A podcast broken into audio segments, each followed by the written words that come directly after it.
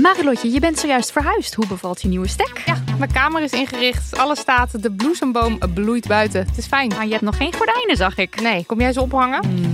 Maar het ding is dus, desondanks alles slaap ik als een koningin dankzij mijn matras van Emma Sleep. Een prinses zonder ert ben jij. Al leg je een ert onder mijn matras, ik denk niet dat ik er last van heb, want het is een hemelsding. En dan heb ik ook nog mijn Emma Diamond Pillow. Jouw slaapkamer is een slaapparadijs. Wil jij dat nou ook? Ga naar emma-sleep.nl en daar vind je moederdag sale met kortingen die oplopen tot wel 50%. En met de code DAMNMONEY aan elkaar eh, komt daar nog eens 10% extra korting bovenop. Van het koude Nova Zembla naar het warme Suriname en van Rembrandt naar Judith Leister. Ik ben Hubert Totan en in de podcast In het Rijksmuseum praat ik met specialisten over de verhalen achter mijn favoriete kunstwerken. Nieuwsgierig? Beluister nu de nieuwe afleveringen. Dag honingdroppies, welkom bij Damn Honey. De podcast over shit waar je als vrouw van deze tijd mee moet dealen. Mijn naam is Nidia En ik ben Marilotte. en dit is aflevering 70. En vandaag gaan we het hebben over eetstoornissen. Dus hierbij alvast een korte trigger warning. Eh, en voor dit onderwerp nodigden we twee mensen uit die we al even volgen op The Internet. Maar vandaag dan eindelijk in het echt mogen ontmoeten. De eerste die ik aan jullie voor mag stellen is Arpa Badran. Ze is diëtiste in een eetstoorniskliniek voor jongeren en on the side een van onze favoriete fashion icons. Welkom Arpa. Thank you. Hallo, welkom. En nummer twee is, zoals dat staat in haar Twitter bio, die ene dikke feminist met al die jurken. Je hebt geen jurk aan vandaag, een rok. Een broekje. Een broekje. Een broekje? Het gaat helemaal tegen ik- alle... Ja, ik had bijna een jurk aan. Maar dan moet ik daaronder ook een broekje. Want anders gaan mijn dijen soort van dood. Ja. Oh ja, dat is En echt aan de hand wordt weer. duizend graden. Dus ik dacht, Ja. ja. dan doe ik maar gewoon meteen een broekje aan. Heel- het spijt heel me dat ik jullie teleurstel. Slim, ja. Is oké. Mensen kunnen je kennen onder de eh, naam journalistiek. Want eh, zo heet je op Twitter. Oftewel eh Marloes Lezer. En los van alle feministische takes die je altijd hebt... waardoor je sowieso een perfecte gast bent... en waarvoor we je ook sowieso voor denk ik zo'n 50 afleveringen zouden kunnen uitnodigen... over allerlei verschillende onderwerpen... zit je hier vandaag vanwege je ervaring met het hebben van een eetstoornis. Want daar gaan we het dus over hebben.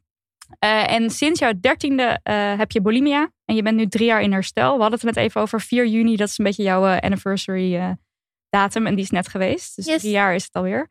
Hallo, dag, welkom. Hallo, hallo. Hallo, hallo. Hallo, Hi. hallo, hallo. Hi. Hallo Hi. iedereen, Hi. hallo. Hallo iedereen, Ja, hallo. we gaan even eerst beginnen met eh, de fameuze rubriek eh, De Feminist in. Mhm. Zet de shame bell maar aan. Ja, je mij aan te kijken. Ja, Eh, ik was de gast bij Miss Podcast. Eh, dat was vorige week. En dat, was, dat is een radioprogramma midden in de nacht. Ik super zenuwachtig, zoals altijd. Allemaal aandenken.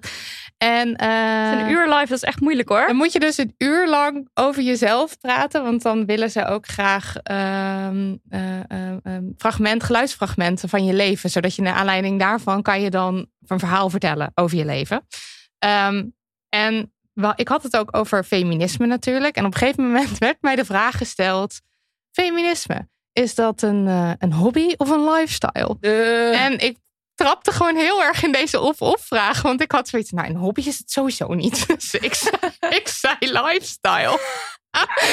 maar dat is natuurlijk dik vette onzin. Want feminisme is een noodzakelijk. En er gebeurt allemaal shit. En Mhm. we hebben feminisme nodig om een eh, wereld gelijkwaardig te maken. Dus eh, dat was eigenlijk mijn eigenlijke antwoord geweest. Maar goed, het was ook midden in de nacht. En plus zenuwen. En plus, nou ja. Je hebt het hierbij rechtgezet.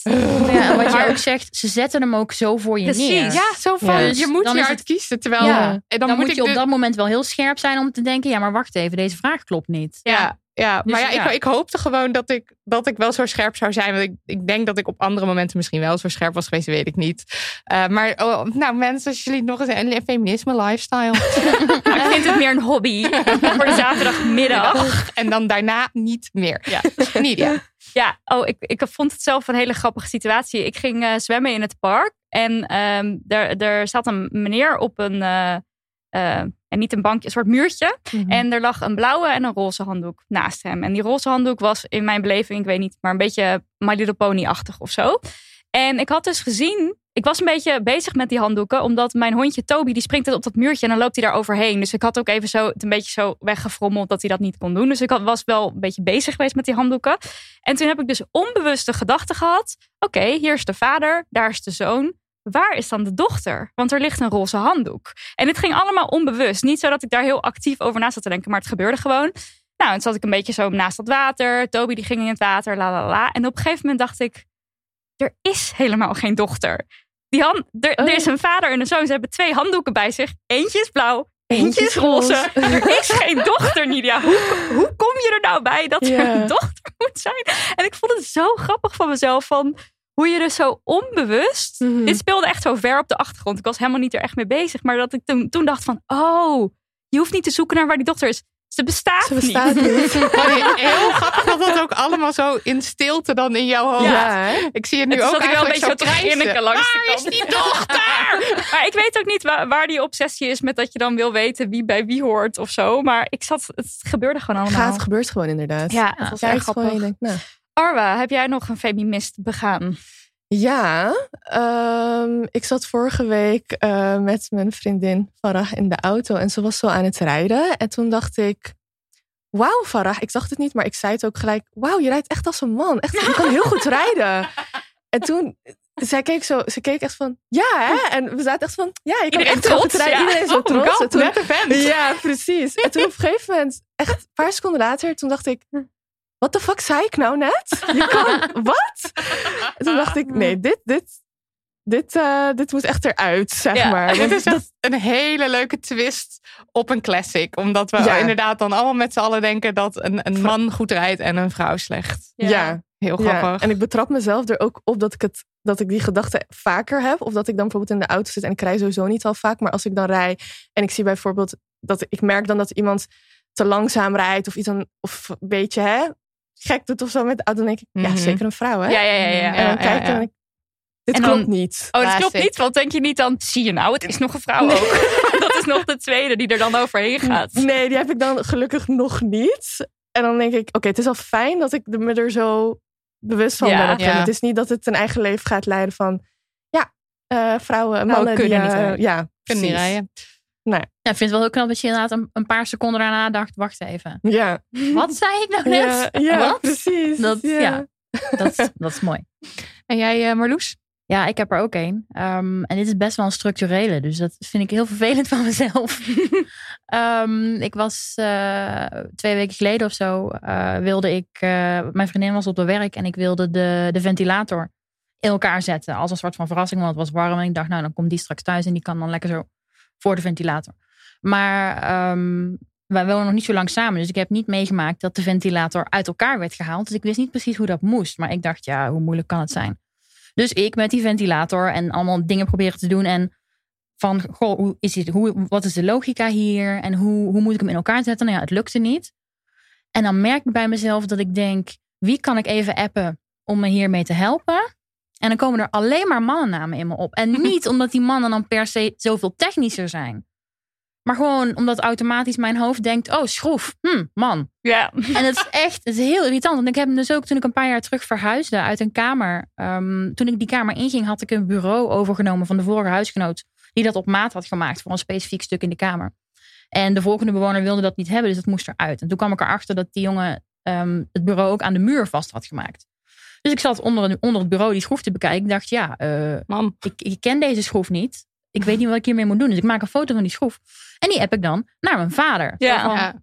pap, wat is deze schroef en hoe maak ik hem los? Terwijl mijn ouders zijn gescheiden toen ik zes was. Ik heb het grootste deel van de tijd bij mijn moeder gewoond.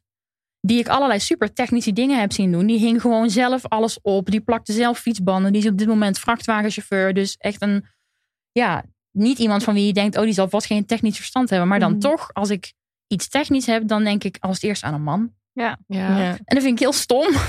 Ja, nee, same hoor. We, we hadden het ook met dat laminaat dat we gingen leggen bij ons kantoor. Dat je dan denkt, oké, wie heeft daar dan de spullen voor? En dat je dan ook meteen denkt Alleen aan maar aan mannen die dan die spullen zouden En dat zijn dan ook mannen die de spullen hebben. Ik bedoel, Ja. eh, niet Ja, dat je vraagt en- of er vrouwen zijn met spullen, maar de mannen hebben in, in de praktijk dan dus wel de Nou, spullen. wij hebben dus een hele coole gereedschapskist. En dat is mijn gereedschapskist. Want die heb ik voor mijn ver- 30ste verjaardag van mijn zus gekregen. Wat ik een erg goed cadeau vind. Mijn zus is heel technisch. En als mensen dan die gereedschapskist zien, dan zeggen ze altijd: Oh, wat heeft Daniel een mooie, coole gereedschapskist. en dan is zo: Eh, Ho, ho, ho, ho, even. Die is van Dat is mij. mijn gereedschapskist, vriend. Herkenbaar. Tijd voor post. Post, post, post, post. Post. Eh, eerst een leuk bericht. En dan wel even met de kanttekening dat het ook een walgelijk bericht is. Het, het gaat over, eh, over homofobie. Maar het is leuk in de context van iemand heeft zich uitgesproken. Dus ik ga het even helemaal uit de doeken doen. Ehm, er kwam een mail binnen en die ging zo. Lieve Nidia en Marilotte, ik had vandaag op de vroege ochtend echt mijn grootste damn honey yes ooit. Ik logde in op mijn werkmail en zag daar een vieze homofobe mail van mijn baas. Kotsemoticon. ik heb hem ook ik heb hem ooit verteld dat ik yoga doe en daar had hij wat vragen over. Ik las het en ik was echt gechoqueerd. En uh, nu komt dan die mail van die baas. Hallo, een gekke vraag misschien, maar zijn er ook mannen, mannen die aan yoga doen? Of loop ik het risico door een vent te worden versierd als ik me inschrijf voor yoga? Bedoel dus eigenlijk het type man dat ik ben, dus haakjes geen homo, maar hetero, maar wel sportief is aangelegd en geïnteresseerd in yoga. En dan tussen haakjes echt waar, ik denk er al jaren aan. Ben gewoon nieuwsgierig of ik dit thuis moet gaan doen of wel in groep, groepsverband ergens. Een ruimte vol dames kan ik volgens mij prima hebben, maar geïnteresseerde mannen lijkt me toch iets lastiger om mee om te gaan. Vandaar deze vraag. Nou, dit zal maar in je mailbox zitten. Oh my god. Ook met allemaal mijn emo- baas Ik Ja, denk dat deze erbij. baas inderdaad maar thuis yoga moet gaan doen. Ja. Want dat er gewoon Stay niemand anders mee opgezadeld moet worden hiermee. Ja. Ja. Nou ja. Nou, en dan gaat de brief verder van luisteraar. Ik vroeg me af of het verstandig was om een feministische jas aan te trekken en een terechtstellende reactie te schrijven. Straks word ik ontslagen of denkt mijn baas minder van mij. Maar goed, ik denk nu ook al minder van hem. En als ik hierom word ontslagen, kan ik met opgeheven hoofd weggaan. Ik heb het mailtje dus gestuurd. Ik ben benieuwd wat voor reactie ik ga krijgen. Heel veel liefs en ga vooral door met mensen empoweren.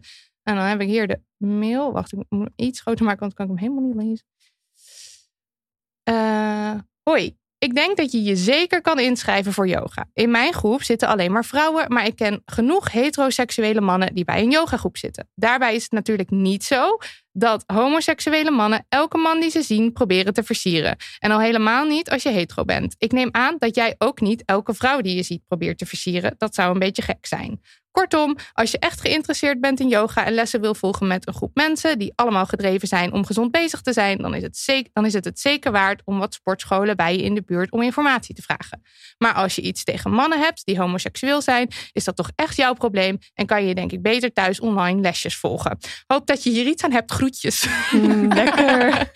Lekker. En, eh, Ja, nog niet zo. zo. heel snel, denk best wel kort daarna, eh, kregen we weer een mail. Update, ik heb een reactie. Ehm, en ook dat Echt, niet zo. het, eh, hoe heet het? Goede tijden, slechte tijden. Oh is het zo? my god, ja, als we op een tenniswedstrijd of zo. Gebeurt? Ehm, nou, de homofobie spat er vanaf hoor. Wederom een kots-emoticon. Dankjewel voor je mail. Ha, ha, ha, ha, ha. Nee, zeker niet tegen homoseksuele, homoseksuele mannen. Ik heb een homo als manager en meerdere homo's als collega's. Dus dat is niets nieuws voor mij. Vind het waarschijnlijk alleen een beetje spannend om naar sportschool slash yoga te gaan. Als ik weet dat ze Ze. er zijn. Ze is ook echt letterlijk dik, dik gedrukt, hè? ja, maar ik weet niet Wat? of, of de luisteraar dat dan gedaan heeft in de Oh. mail. Oh ja, Maar dat weet je het- natuurlijk Nee, niet. oké, ja. Maar het klinkt sowieso verkeerd. Ja. los Ja. Van alles. Als ik weet dat ze er zijn en misschien wel aan het gluren zijn. Hoe denkt deze man dat vrouwen zich door de wereld bewegen? I know. Ja, Sorry, ik ga verder. het eerst afmaken. Maar je hebt helemaal gelijk. Moet gewoon gaan. En als het niets is of het echt eng vindt, dan kan ik altijd nog ervoor kiezen om thuis te gaan yogaën met vriendelijke groet. Nou, dan zegt de luisteraar nog: zijn hele reactie geeft me: ik kan geen rac- racist zijn, want ik heb een zwarte buurman vibes. Ja. En ook het stukje als ik weet dat ze er zijn en misschien zitten te gluren, doe normaal. En daarna komt de sterkste zin uit de hele mail. Homofobie is letterlijk gewoon de angst dat mannen jou behandelen zoals jij vrouwen behandel- behandelt. Feministische groetjes. Ja, maar het is altijd, Love ik vind it. het altijd zo enorm telling als mannen zich heel erg zorgen maken over hoe mannen die op mannen vallen Op zullen reageren. behandelen. Ja. Ja. Dat Ja. zegt, zonder dat ze het doorhebben, zoveel over hoe zij zelf naar vrouwen kijken en Ja. met vrouwen omgaan. Ja. Dat als jij denkt dat een zaal met homoseksuele yogamannen jou enorm gaat begluren, ja, dan wil ik als vrouw niet met jou in die yogazaal Ja, staan. Want dan precies. weet ik wat jij gaat doen. Ja. Ja. Precies.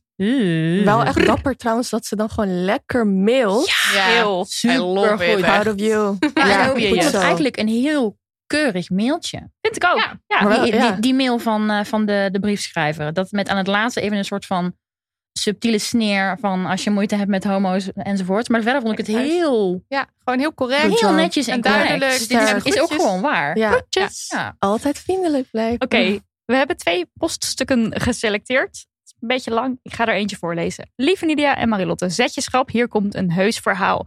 Trigger warning trouwens, want het gaat over seksueel grensoverschrijdend gedrag on die interwebs. Dus dan weet je dat vast. In de zomer van 2018 was ik in mijn eentje naar Engeland. De ochtend van mijn allerlaatste dag daar raakte ik aan de praat met een jongen die in hetzelfde hostel sliep. We zijn een kopje koffie gaan drinken en het was erg gezellig. Ik kan hem denk ik het best beschrijven door te zeggen dat hij me aan James Acaster, Acaster, ik ken Geen deze beste idee. man niet, doet denken. Grappig en een beetje zullig op een aandoenlijke manier, maar in ieder geval helemaal zichzelf. Na een tijdje bedacht ik me dat hij misschien wel hoopte dat dit een date was. Toen ik op een gegeven moment iets over mijn toenmalige vriendje vertelde, bleek dit inderdaad. Maar vreemd genoeg leek dit zijn gevoelens niet in de weg te staan. Het was een hele rare ervaring en het voelt een beetje raar om te zeggen, maar de jongen viel als een blok voor me. Bij het afscheid dropte hij nog even heel luchtig: We're going to marry someday. Ik vond het lief en ben weer lekker naar huis gevlogen. De maand daarna hadden we misschien nog vier keer via Facebook contact gehad. Maar, nu komt het. Eind februari 2020 stuurde hij midden in de nacht het volgende. Kwart over twaalf. Damn you for being so far away. En dan een, kruisje, een x'je erachter. Kwart voor één. Een video van 20 plus seconden waarin je zijn erecte penis ziet die hij door het gat van zijn onderbroek en de gulp van zijn broek heeft gehaald. Hij trekt zichzelf af, eerst langzaam maar steeds harder en filmt dit met zijn andere hand. Je hoort zijn ademhaling en hij herhaalt een paar keer fluisterkreunend mijn naam. Kwart over één. I'm drunk, but I can't wait for you to watch this and tell me what you think. Met nog een keer een X erachter. Ik zit haast nooit meer op Facebook, dus ik zag zijn berichten pas een kleine maand later. Ik moest in eerste instantie lachen, van schrik. Heb het aan mijn huisgenoten laten zien en wilde het verder laten. Ik had eerder wel eens een onverwachte dikpik naar mijn hoofd geslingerd gekregen en daar heb ik de jongeman in kwestie vooral een beetje voor uitgelachen. Echter, dit beeld, en vooral ook het geluid, bleef hangen. En ik voelde me hierna een tijd best naar van, best naar van binnen. Zeker ook omdat ik dit nooit van deze jongen had verwacht. Als zelfs hij dit flikt, moet de wereld wel echt fokt op zijn. Ik merkte dat ook mijn houding in seks veranderde. Ik werd heel gevoelig voor alles waar ook maar een klein beetje uit zou, uit zou kunnen blijken dat ik, of vrouwen in het algemeen, onderdanig zouden zijn. Mijn vriendje merkte ook dat er iets was en heeft mij gelukkig goed gesteund. Hij legde me bijvoorbeeld uit dat een dikpik heel wat anders is dan zo'n video. Samen hadden we een plannetje bedacht om de jongen een beetje terug te pakken. Ik heb een vriendschapsverzoek verstuurd, gestuurd naar zijn moeder en zus in de hoop hen te vertellen wat hun zoon, broer, voor dingen uitspookte en dat zij wellicht eens met hem konden gaan praten over dit ongepaste gedrag. Helaas zijn ze nooit op mijn verzoek ingegaan en heb ik er verder nooit meer wat aan gedaan. Daar wil ik nu op terugkomen.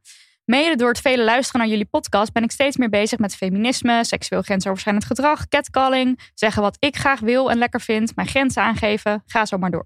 Dit alles voelt heel goed en bevrijdend, maar helaas brengt het deze vervelende herinnering ook weer naar boven. Het maakt me niet uit dat het meer dan een jaar geleden is dat hij me deze smerigheid heeft gestuurd. Dit had hij gewoon nooit mogen doen en ik wil een tegengeluid laten horen. Mijn vraag aan jullie is nu: wat kan, zal, moet ik doen? Enkel een bericht om hem te vragen of hij zich wel goed heeft geschaamd vind ik niet genoeg. Ik wil er graag wat groots van maken. Iets wat ik kan doorsturen, maken of musiceren om hem te leren dat dit echt niet kan. Liefde voor jullie en liefst van mij, Puk. En ik las dus de hele tijd, toen ik aan het inlezen was, liefst voor mij. En toen dacht ik, dat is nog eens een goede afsluiting. Want je mag ook Oh. gewoon liefst naar jezelf Ja. sturen. Maar er staat liefst van mij, maar ook ja, liefst voor lief. jou, Puk. Liefst van en voor. Wat een verhaal, hè mensen? Echt Oh. Heftig, ja. maar ik denk, denk deze gast dat hij in de notebook zit of zo. Van, oh, ik heb de liefde van mijn leven 500 minuten ontmoet in Engeland. En nu ga ik voor altijd van haar houden. De- Ja. Maar dan op een hele gore manier. Ja, ik Maar, vond de zin ja. I'm going to marry. Oh, We're zo going to marry creepy. someday ook gewoon Zo al heel... creepy. En de grap Oh is dat God. hij dan zeg maar die video stuurt en afsluit met... I can't wait. Ik ben echt benieuwd wat je hiervan vindt. Bro, what the fuck denk wat jij denk je? hiervan ga vinden? Ja. Ja, het is echt sick. Ja, maar dat Maar- heb ik sowieso met mannen die, die dickpics of wat voor piemelopname dan ook sturen. Ongevraagd. De, ongevraagd, inderdaad. Dat denken zij dan serieus dat, dat ik mijn inbox open, dat ik dat dan zie en dat ik dan denk, "Oh, Yay. Lekker. oh, deze man, deze man, Nee, deze ongevraagde piemel. Kom I'm hier, ready. dit is mijn adres. Ja. Dat werkt toch niet? Maar, dat, Nee. ja, daar gaat Maar het is ook niet om. wat het over is. macht. Het gaat Maar- over Nee, intimidatie. En En Oh, macht. Ja. ja. Maar ja, wat moet ze doen, denken jullie? Ik vind het dus heel moeilijk. Wij zijn laatst op Radio 1 geweest om te praten over Damn Horny, onze seksverhalenbundel. Mhm. En toen kreeg ik dus een WhatsAppje van iemand die ik dus niet ken. Die zei van ik wil me aftrekken eh, voor jou. En toen heb ik dat op eh, Instagram gezet en op eh, Twitter. Zonder de nummer er trouwens bij. Maar gewoon om te laten zien van kijk dit is dus. Ik praat als vrouw op, over seks op de radio. En dit is dus wat er gebeurt. Hmm. Maar uiteraard zien andere mannen dat dan dus weer. En dan gaan zij mij ook weer dickpics sturen. Dus dan zoeken ze mijn nummer. Want dat kan je dus helaas vinden online. Ik kan daar ook niet zoveel meer aan doen nu. Ehm, en ehm, toen dacht ik, ja, ik kan het wel weer erop zetten. Maar volgens mij, deze mannen, die willen dat volgens mij ook. Want eentje zei ook van, ga je mij dan nu ook weer op Instagram zetten? En of, of op internet? Ze En erop. Dus, dus Ze ik heb ja. wel ook deze brief uitgekozen. Oké, het is wel een beetje een andere situatie. Want zijn dus dickpics, geen video. Ik ken de mannen niet, la la la. Maar ik ken dus wel heel goed het gevoel van die frustratie. En het Mhm. idee van ik moet hier wat mee. Ik wil Ja. er wat mee. Maar gewoon niet weten wat dan. Ja. Dus Ja. ik heb ook geen antwoord. Ik was heel Nee. benieuwd of jullie misschien een idee hebben. Want wat kan je nou doen? Weet je wel, elke aandacht die je geeft, willen ze waarschijnlijk alleen maar die aandacht. Klopt. Dus dat moet je eigenlijk niet doen. Tegelijkertijd wil je iets laten weten. Echt frustrerend. Ik za- zag op Twitter dan iemand die eh, stuurde standaard een, eh, een eiersnijder, eh plaatje van een eiersnijder naar, naar, Dat de ook. mensen die er dik. En dat vind ik wel een hele goeie. Een eiersnijder waar je, waar je worstjes in kan leggen. Ja, zo, Of een banaan in stukjes. of een zo. penis. Nou ja, wat ik eigenlijk bij deze, wat, wat ik meteen bedacht, en ik weet niet of de, de luisteraar, lezer, briefschrijver dat too much vindt, is eigenlijk gewoon hetzelfde terugdoen. Dus een piemel terugsturen. ja, hè? En dan zo Mhm, Ja. van, vervelend hè, als iemand die je helemaal niet goed kent en waar je je totaal niet toe aangetrokken voelt, jou Mhm. ineens hun geslachtsdeel laat zien. Ja. Ja. Maar ja, dan ga je ervan uit dat iemand daar dat daadwerkelijk binnen laat komen. En niet alleen maar denkt, oh maar god, wat Oh, dit haha. rare wijf nou. Zo, Ja. Mhm. Dus dat is ook, ja. En eh, je doet dan ook hetzelfde terug. En dan is dus de vraag, want Ja. ik heb er ook over nagedacht, want ik heb Dat er dus ook nu meerdere, dus ik zou ze in principe van elkaar, zou ik ze Nou, zeg dat- maar zo naar elkaar Sturen. kunnen sturen. zat er ook aan te denken, ik zou een Ja. WhatsApp groepje kunnen aanmaken en dan noem ik het de sausage party of zo. en dan zeg ik nou, eh, alsjeblieft, ga maar lekker aan elkaar jullie penis laten zien, want dat is blijkbaar jullie hobby. Maar al die dingen, denk ik, Ja. het is ook alweer veel te veel van mijn tijd en van mijn, maar ja, Energie. ja, dat is het ook. Maar het is- deze puk geeft aan Heel wat graag. te willen. Ik ja, ja, wil ja. Dus da- zou dat misschien nog wel een optie zijn. Maar dat jij het inderdaad Mhm. niet doet, dat snap ik ook. En als er nou iedereen die eens een dickpic heeft gehad via WhatsApp vraagt dat nummer door te sturen en dan één grote damn maar die dickpic groep aanmaken. Ja. Sorry, dat is misschien niet Dat iets is wat- wel heel grappig. grappig Dat idee. iedereen die dat doet, dat die Ja. gewoon automatisch wordt toegevoegd aan ja, die. en dat ze dan daar hun dickpics kwijt kunnen, omdat ze niet zo goed weten waar Wat ze ze heen de- moeten ja. met, hun, met hun foto. Dat ze met een openingsbericht. Hallo, je bent aan deze groep toegevoegd omdat je het blijkbaar erg prettig vindt om je piemel ergens te delen. Ja. Uit dienst voor de mensheid en jou hebben we daar een Hebben we platform daar een platform voor gecreëerd Waar je er niemand mee lastig valt. Succes. Ja. Ah, ik, Ja. ik ben nu erg zijn. enthousiast. Ik weet niet of ik over een uur nog enthousiast ben. Ja. Maar, wat ik, wel merk, eh, al- als ik, eh, ik, heb, ik krijg soms, ehm, lange tijd stond mijn eh, telefoonnummer in de ehm Damn Honey Insta dinges. Dus Mhm. ik kreeg ook de hele tijd ongevraagde berichten. En je merkt gewoon, met soms foto's, als je erop ingaat, gaan ze daar gewoon lekker op. Maakt Ja. niet uit wat, ze, wat je zegt. Ja. Of je lacht of inderdaad een. Want ik heb wel eens een plaatje teruggestuurd. en ze gaan er gewoon heel lekker op om de aandacht te krijgen. Eh, wat het beste werkt voor mij altijd is toch, ondanks dat ik heel graag iets wil doen, is het blokkeren. Ja, hè? Denk het ook. Vind ik ook heel Ja. vervelend. Ik heb Ja. liever ook een groot ding. Maar eh, ja, Ja, Ja. ik doe ook wel eens. Ik stuur dus inderdaad ook wel eens plaatjes terug van eiersnijders. Of van zo'n. Je hebt zo'n ding waar je een banaan mee in plakjes kunt snijden. Die stuur ik ook wel eens. Of ik meld. Dat ziet er niet goed uit. Ik zou even langs de GGD als ik jou was. oh ja. En dan helemaal niet meer reageren. Ja. Ik ken ook iemand op Twitter die stuurt tekeningen terug. Ja, dat Ja, is die ze heeft ontvangen. Fantastisch. Dat is superleuk. Maar dat is wel allemaal, daar zit, A, daar zit werk in waar Ja. je zelf misschien altijd zin in hebt. En B, dan geef je ze wel inderdaad wat ze willen, namelijk aandacht. Ja. Dus het beste wat je kunt doen, is het inderdaad gewoon niet reageren. Nou ja, dan vind, Nou, ik, ja, ik het- vind ik dus dat, dat Damn Honey Dick, dick Pic groep Een heel vind ik dan goed nog wel een idee. goed idee. Omdat, idee. omdat je er Maar helemaal niet Ze aan zegt ook dat ze iets zou willen musiceren. En ik denk, als dat een skill is die je hebt. En je zou een nummer kunnen maken of iets kunnen maken waarin je hem aanspreekt op zijn gedrag. Maar Ja. tegelijkertijd misschien ook steun biedt. In een soort, ja, dat het een soort humor heeft. Maar ook een soort van, weet je wel, dit is gewoon heel verkeerd. Dan zou dat ook wel voor mij, als iemand die dat ook ontvangt, zou dat ook prettig. Snap je wat ik bedoel? Ja, ja. Dus niet eens per se om hem te pakken. Ehm, voor de rest van de wereld. Maar ook gewoon als soort statement of zo. En dat het maar de hele we- tijd gebeurt. Merel van hou je bek en bef me Ja. vragen om hier eens een liedje over te Ja. schrijven. Nou, Dat je dan kunt sturen naar iemand die dat doet. Een liedje met eigenlijk de Oh. boodschap van... het is zo'n goed idee. Merel, ja, luister ben je mee bezig? Merel, je luistert. Ik weet het, ik weet het. En trouwens, het hele ding dat iemand dan tegen jou zegt: eh, eh, I'm gonna marry you. eh, ik denk ook dat we nog veel te veel leren aan jonge meisjes en Wat vrouwen. romantisch is. Ja, Ja. dat dat iets is wat leuk is en Ja. fijn Ja, nou, en dit is, dit is de, de romantische comedy, hè? Ja, Een meisje wat al een vriendje heeft, maar ze ontmoeten elkaar en één Engeland. van de twee voelt, dit is het. Ja. En besluit, ik ga me niet af laten schepen. Waar je in het echte leven denkt, dit is tijd om een straatverbod aan te vragen. ja. Is dat in een romantische comedy? ja is het dat een hoogtepunt niet van- zo? Ja. Oh my god, deze persoon wil me echt. Ja, nee. Maar dat is ook- op. Dan is het dus de teleurstelling als je dan zo'n filmpje krijgt des te groter. Omdat je in je hoofd misschien al hebt bedacht, deze jongen die vindt mij heel erg leuk. Mhm. Ja. Dat is ook weer zo. Nou, wat ik wel heel tof vond, wat, het plan wat ze oorspronkelijk had, was namelijk zijn moeder en zijn zus. Ja, ook goed idee. Ik heb dat Ja. ook wel eens gedaan met iemand die eh, in mijn Twitter DM's kwam. ehm, en die heel erg begon te vissen naar mijn leeftijd. En toen ik aangaf, ik was op dat punt geloof ik 26 of zo. Toen zei hij, oh jammer. Ik zei, huh? Jammer, hoezo? Ja, je, je lijkt jonger. Dus, dus, jij, dus jij bent soort van specifiek op zoek naar... Hij was zelf echt in de 30. Dus jij bent specifiek op zoek naar meisjes die veel jonger zijn dan jij. Ja, dat vind ik wel sexy. Oh. Nou ja. En toen heb ik inderdaad hem opgezocht, ontdekt, had hij op Facebook zijn moeder eraan gekoppeld. Toen heb ik zijn moeder een bericht gestuurd. Ik heb daar nooit reactie op gekregen, maar ik dacht, Mhm. ja, ik voel me niet lekker over mezelf als ik dit niet. Dat iemand die, Ja. die soort van random zijn piemel mijn kant op slingert, ja, jammer. Maar iemand die echt bewust op zoek is naar jonge meid. jongere meisjes, dat vind ik gewoon niet oké. Dus dan heb ik zijn moeder een bericht gestuurd met, joh, u kent mij niet. En eh, het zou kunnen dat ik de verkeerde voor me heb, maar deze en deze persoon, volgens mij is dat uw zoon, die heeft mij dit en dit gestuurd. Ja. Ik vind het niet oké en ik vond dat u dat moest weten. En is het dan specifiek dat je de moeder zoekt in plaats van de vader? Want dat vond ik dus wel opvallend in dit berichtje. Dat ze dus de moeder en de zus, ja, bijna soort van, die moeten het dan maar weer. Dat is ook weer Ja, vrouwen. dat is ook wel weer waar. Nee, het was specifiek in mijn geval omdat zij gekoppeld stond aan zijn Facebook. Je kon dat gewoon zo zien. Er stond geen Ja. vader of oom of zo aangekoppeld. Want dat zou ook mijn eerste in. eh het zijn ook, mijn eerste eh, idee zijn om de moeder. eh, terwijl dat eigenlijk zit daar natuurlijk ook weer allerlei rare ideeën achter. Van waarom die dat dan weer. Moet fixen. Ja, Ja, zo, een beetje, zo is het voetje, moeders voetje zoon eh opachtig. eh, Of misschien dat ze erbij. denkt... Sorry dat ik je onderbreek. Nee, zeg maar. Of misschien dat ze ook denkt van, nou, zij is ook een vrouw, weet je, Ja. meer begrip, zij Ja. begrijpt het. En ook dat stukje misschien schaamte, ik weet het Mhm. natuurlijk niet, maar dat kan natuurlijk ook, want ik, zou, ik zit helemaal te denken van, nou, ik zou ook eerder naar de moeder gaan, Mhm. want die zou, ik denk dan, nou, als zij een normale moeder is, dan zou zij ook denken, wat de fuck Dit is dit? En Mm.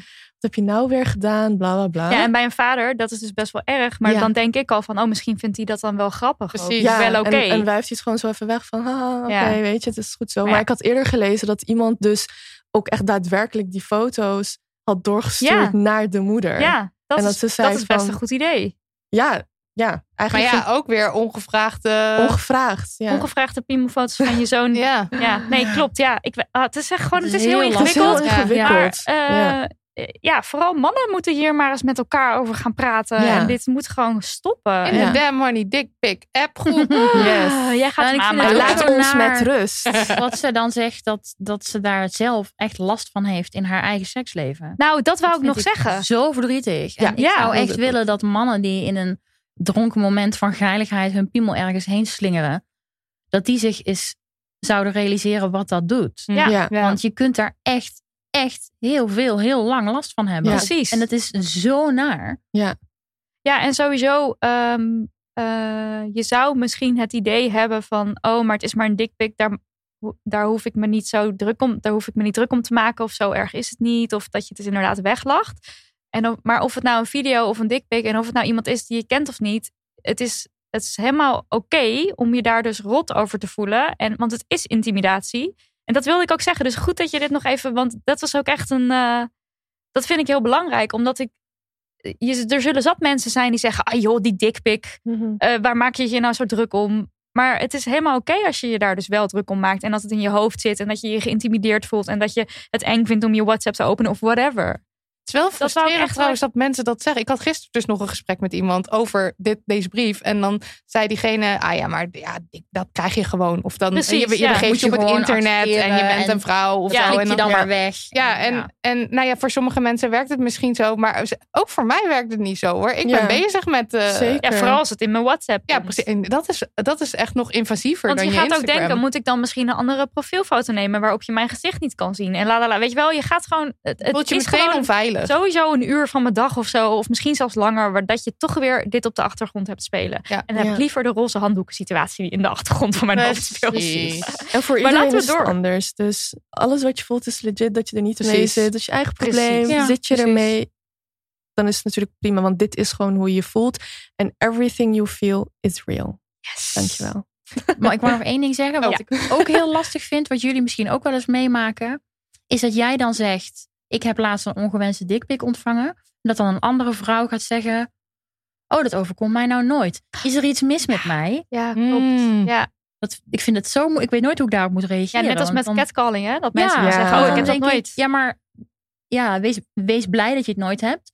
Maar aan de andere kant, vanuit mijn eigen geïnternaliseerde patriarchale overtuigingen, snap ik het ergens wel. Ja, want je wil toch, je wil je dan toch een soort van. Ja, maar dit komt weer terug bij het Marry Me Geert. Someday verhaal. Ja. Dat we dus aangeleerd krijgen dat aandacht van mannen het hoogst haalbare is. En dat je dus als je op straat loopt en, en je hebt iets aan wat dan volgens de norm dan sexy zou zijn. En je wordt niet nagefloten. Dat je dan dus niet sexy bent. Ja, En dat, dat is natuurlijk iets helemaal... mis is met jou, omdat mensen je niet seksueel intimideren. Ja, Ja, dat is niet hoe het is. Nee, is dat echt is niet hoe het is. Maar ik snap kromme- wel dat ja. het is hoe het binnen kan komen. Ja. En dat vind ik gewoon heel naar. Is het ook. Dus dat wou ik nog even zeggen. het, de, de het poststuk 2. Lieve, lieve Nidia, Marilotte en ongetwijfeld fantastisch leuke gasten. That's you, that's you. Hallo. Ik werk sinds een paar maanden als au pair in Amerika en ik heb onder andere een zevenjarig meisje onder mijn hoede. Wat ze ziet in het dagelijks leven is dat haar ouders erg op hun lichaam letten en continu zeggen: nee, dat ga ik niet eten, want dan word ik te dik. Haar vorige au pair was ook altijd aan het afvallen, dus dit is echt alles wat ze om haar heen heeft gezien de afgelopen jaren. Hebben jullie tips over het uitleggen van body positivity aan een zevenjarige? Ik hoop te bereiken dat ze gelukkig is met zichzelf, nu en later. Alvast bedankt voor een antwoord, liefs. Nee, allereerst super fijn dat dit zevenjarige meisje jou als au pair heeft. Ja, Yes. Deze mensen hebben zevenjarige meisjes nodig. Zeker als, Dat- als, je, ja. als, als je directe omgeving Ja. de hele tijd aan het vetshamen is, zichzelf vooral. Want dat is zo belangrijk, hoe, er over, hoe jij over je eigen lijf praat ehm, als er kinderen in de buurt zijn. Zeker. Dus ja, ik, ik vind het wel een hele moeilijke vraag. Want ik zou dan. Zo, je bent daar waarschijnlijk. Ja, je bent daar maar een paar maanden. Je bent een paar maanden in Mhm. iemands leven. Hoe maak je dan zodanig eh, indruk dat, dat, dat, dat, dat zo'n kind denkt: Oh, ik mag er zijn en ik Ja. ben goed zoals ik ben. Nou ja, in elk geval door te doen wat je nu doet, namelijk een alternatief bieden van wat dat kind continu om zich heen heeft gezien. Als, dan, dan ga je een soort van denken, wat je ook vaak in, in damesbladen ziet, dat het doodnormaal is om altijd op dieet te zijn. En dat het doodnormaal is om naar je lijf te kijken en te denken, hier is iets mis mee en hier moet ik iets aan veranderen. Hm. Dus juist door expliciet te laten zien aan dat kindje van, hallo, ik besta ook en ik sta daar anders in. Dus ook gewoon laten zien, dit is niet waar je voor hoeft te kiezen dat is al heel tof, denk ik. En ja, dat is al heel wat. Ja, Ik denk ook dat je niet de illusie moet hebben dat jij. Het is heel Die fantastisch dat verandering je gaat in, brengen. in dat leven bent Ja. van dat kind. Maar Ja, nee, wat je kan doen. niet. En het is ook maar. Ja, hoe je met de riemen die je hebt. ja. Zeker. misschien dan wel een gewoonte ervan maken om, weet ik veel, eh, explicieter of vaker dan je zou doen, toch te benoemen eh, wat voor hot wijf je jezelf vindt of zo. Ik ga trouwens Oh, rotwijf. Ik verstond wel even. Oh, rotwijfje. Oh, Wat een hot Nee, wat een hot, jezelf wat een, wat een lekker lijfje Wat- hebt. Of wat een, wat, hoe, hoe, dat je jezelf mooi vindt. Of whatever. Dat je gewoon eh, positief gaat praten over jezelf. Meer vaker dan je zou doen misschien. Hardop. Ja. Misschien wel. En ook juist misschien daar een soort van los naar dat kindje toe. In de zin van dat je, dat, dat lees je wel eens, dat je, dat je niet alleen maar complimentjes moet geven die gericht zijn op, op uiterlijk of- Ja. of, genderrol bevestigende dingen. Mm, ja. Dat wilde ik Ja. zeggen inderdaad. Ja. Dat je de Oh. focus eigenlijk ergens anders oplegt. Hè? Ja, Dus dan dat je je niet uiterlijk, alleen ja. maar heel erg de focus legt op uiterlijk en eh, hoe, hoe iemand eruit ziet of je lichaam, maar ook gewoon inderdaad andere hele belangrijke dingen waar, waar we het over het algemeen gewoon vaker over moeten hebben. En ook misschien, ik weet niet of dat ook een optie is, weet je, ehm, dat je het met haar kan over hebben over waarom eigenlijk dan voeding zo belangrijk is en dat ze nog in de groei zit en you need to eat en waarom eten we eigenlijk en hè, want zij ziet haar ouders op een bepaalde manier zeg maar omgaan met voeding en het is ook heel goed als je zelf ook een goed voorbeeld geeft. Ehm, ik weet natuurlijk de details niet. Misschien eh, doet het allemaal heel goed met eten en heeft ze helemaal, hoop ik, niks zeg maar ontwikkeld wat betreft eh, eh, ongezonde eetgewoontes of zo. Of dat ze bepaald gedrag van haar ouders overneemt. Maar kinderen die kijken gewoon om hun heen en die nemen dat soort gedrag ook over. En heel veel ouders die beseffen dat niet. Hmm. Um, en ik zie het zelf ook hoor. Dus bijvoorbeeld um, um, heel vaak dan komen hele jonge patiënten met hun ouders. En je hebt heel vaak dus ook gesprekken met die ouders. En dan zit je met zo'n ouder en dan zegt, hebben we het over nou, wat ze dan zouden moeten eten. Of hè, en voorbeelden noemen of whatever. En uh, dan heb je het over fruit bijvoorbeeld, had ik tijdens mijn stage. En dat de moeder zei, banaan, we gaan niet elke dag banaan eten. Nou, daar word je pas echt dik van. Oh ja, ja, ja. En toen zat ik daar echt van, wat zeg jij nou weer? Ja. Weet je, dat soort opmerkingen. En je denkt heel vaak, een ouder zou dat nooit doen. Of het kan geen kwaad zijn opmerking. Maar dat heeft zoveel impact, zeg maar, op zo'n kwetsbaar kind, zeg maar, wat dan ook nog eens struggelt met een eetstoornis. En dan komt je moeder ook nog met, nou, dat gaan we niet eten hoor, want dan Want gebeurt een er dit. banaan. Ja, Ja. dan krijg je echt het idee dat er slechte Dat en er goede echt- voedingsstoffen zijn die je wel en niet Precies. binnen moet krijgen. En Trouwens, je kan elke dag een banaan eten, dat Ja. is geen probleem, wil ik even erbij zeggen. Maar, hè, dus dat soort ideeën, als je dat dan zo. Nee. Ik hoop Ja, niet dat haar ouders dat En doen. zover mogelijk misschien ook eh, positieve rolmodellen. Dus dikke Ja. mensen die cool zijn en leuk zijn. En ik weet, ik zit echt totaal niet in de kinderseries of iets hoor. Ik dus ik weet ook niet of het bestaat. Maar of je zet een video van Lizzo aan en je gaat lekker eh, de dansmoves nadoen van Lizzo. Weet je wel? Dat Ja. je laat zien van dit zijn super fijne, leuke, coole mensen. Zeker. Want zij krijgt. eh, eh, de- we hebben een stukje van de brief weggehaald. Maar zij krijgt ook wel echt aangeleerd dat dik is niet goed. Dik is lelijk. Ja. En eh, dan kan je, zonder dat je het de hele tijd hoeft te benoemen, kan je Mhm. gewoon een eh, rolmodel laten zien. Ja, dat en je het dus juist ook niet ja. benoemen inderdaad. Precies. Gewoon dikke mensen die lekker dingen doen in hun leven. Ja, Gewoon met, met het feit dat ze dik zijn. Hm. Zonder dat dat dan meteen enorm een ding is. Want ik Precies. heb bijvoorbeeld mijn eigen Instagram ding. Heb ik echt een soort van... Heb ik mezelf mee geherprogrammeerd. Juist door ook gewoon hele alledaagse dikke mensen te gaan volgen. Gewoon, weet Ja. ik veel, dikke mensen op een fiets. Dikke, gewoon dikke mensen, mensen die, praten over hun goudvis. of Ja. zo. Juist niet alleen maar mensen die heel erg bezig zijn met het feit... ik ben dik en ik ben amazing. Wat 100% valid is, want dat doe ik zelf ook heel vaak. Maar het was voor mij juist ook heel goed om gewoon dikke mensen hun leven te zien leiden Ja, op een ja. manier die zij fijn vonden. Ja, ik zat inderdaad te denken aan, het, eh, aan, aan de, de kinderversie van het op Instagram zoveel mogelijk verschillende mensen gaan volgen. Zodat je, maar dat is een goeie, dat je gaat Ja. dansen op de Mhm. liedjes van Lizzo of zo. Dat je ze ziet en er geen nadruk op legt. En dan maar wel ermee bezig bent dat er heel veel andere mensen nog bestaan dan alleen de mensen die aan het Ja. schoonheidsideaal voldoen. Normaliseren. Ja. Ja. En misschien, maar ik weet niet of dat misschien een stap te ver is, is een keer het gesprek met die ouders aangaan. Ja, daar dacht Ja, ik ook Dit is wel eh, moeilijk misschien. Weet je wel, wat is jouw rol daarin?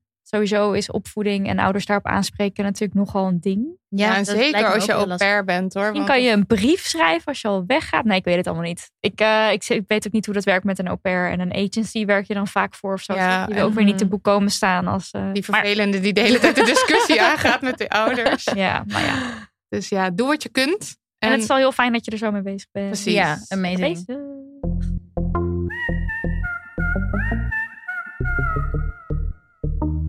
Sponsortijd. Maar we hebben weer eens geen sponsor. Maar dat is helemaal geen probleem. Oh. Dan ga ik dit blokje gewoon even gebruiken om een recensie voor te lezen van ons boek Damn Horny. Komt ie? Wow. Eindelijk sexy verhalen waar ik me in kan herkennen. Love it. I'll raise you met deze recensie die we via DM ontvingen van Lieke. Ik heb gisteren Damn Horny opgehaald bij de lokale boekhandel. Ik helemaal blij en leg het alvast op mijn bed. Een paar uur later liggen mijn vriend en ik daar te luieren. Hij pakt het boek op en begint de achterflap voor te lezen. Jij moet een verhaal kiezen en dan lees ik het voor, riep ik. Hij deed zijn ogen dicht en wees zonder te kijken het verhaal de paskamer aan. Ik las het voor. Het was een beetje disturbing, beveiligingscamera's in pashokjes, anyone. Maar oef, het was ook erg geil. Het verhaaltje was kort en toen het afgelopen was, hadden we ontzettend hete seks. Mede dankzij jullie, wilde ik toch even zeggen. En dit was pas het eerste verhaal. Oké, dat is pas een recensie. Eh, ook zin in ontzettend hete seks? Koop Damn Horny. Zie je nou, nou wordt het alsnog gewoon een sponsorblokje. Heerlijk. Lekker gewerkt, Pik. Damn Horny kopen kan overal bij je lokale boekhandel bijvoorbeeld of online op Libris.nl. Koop het.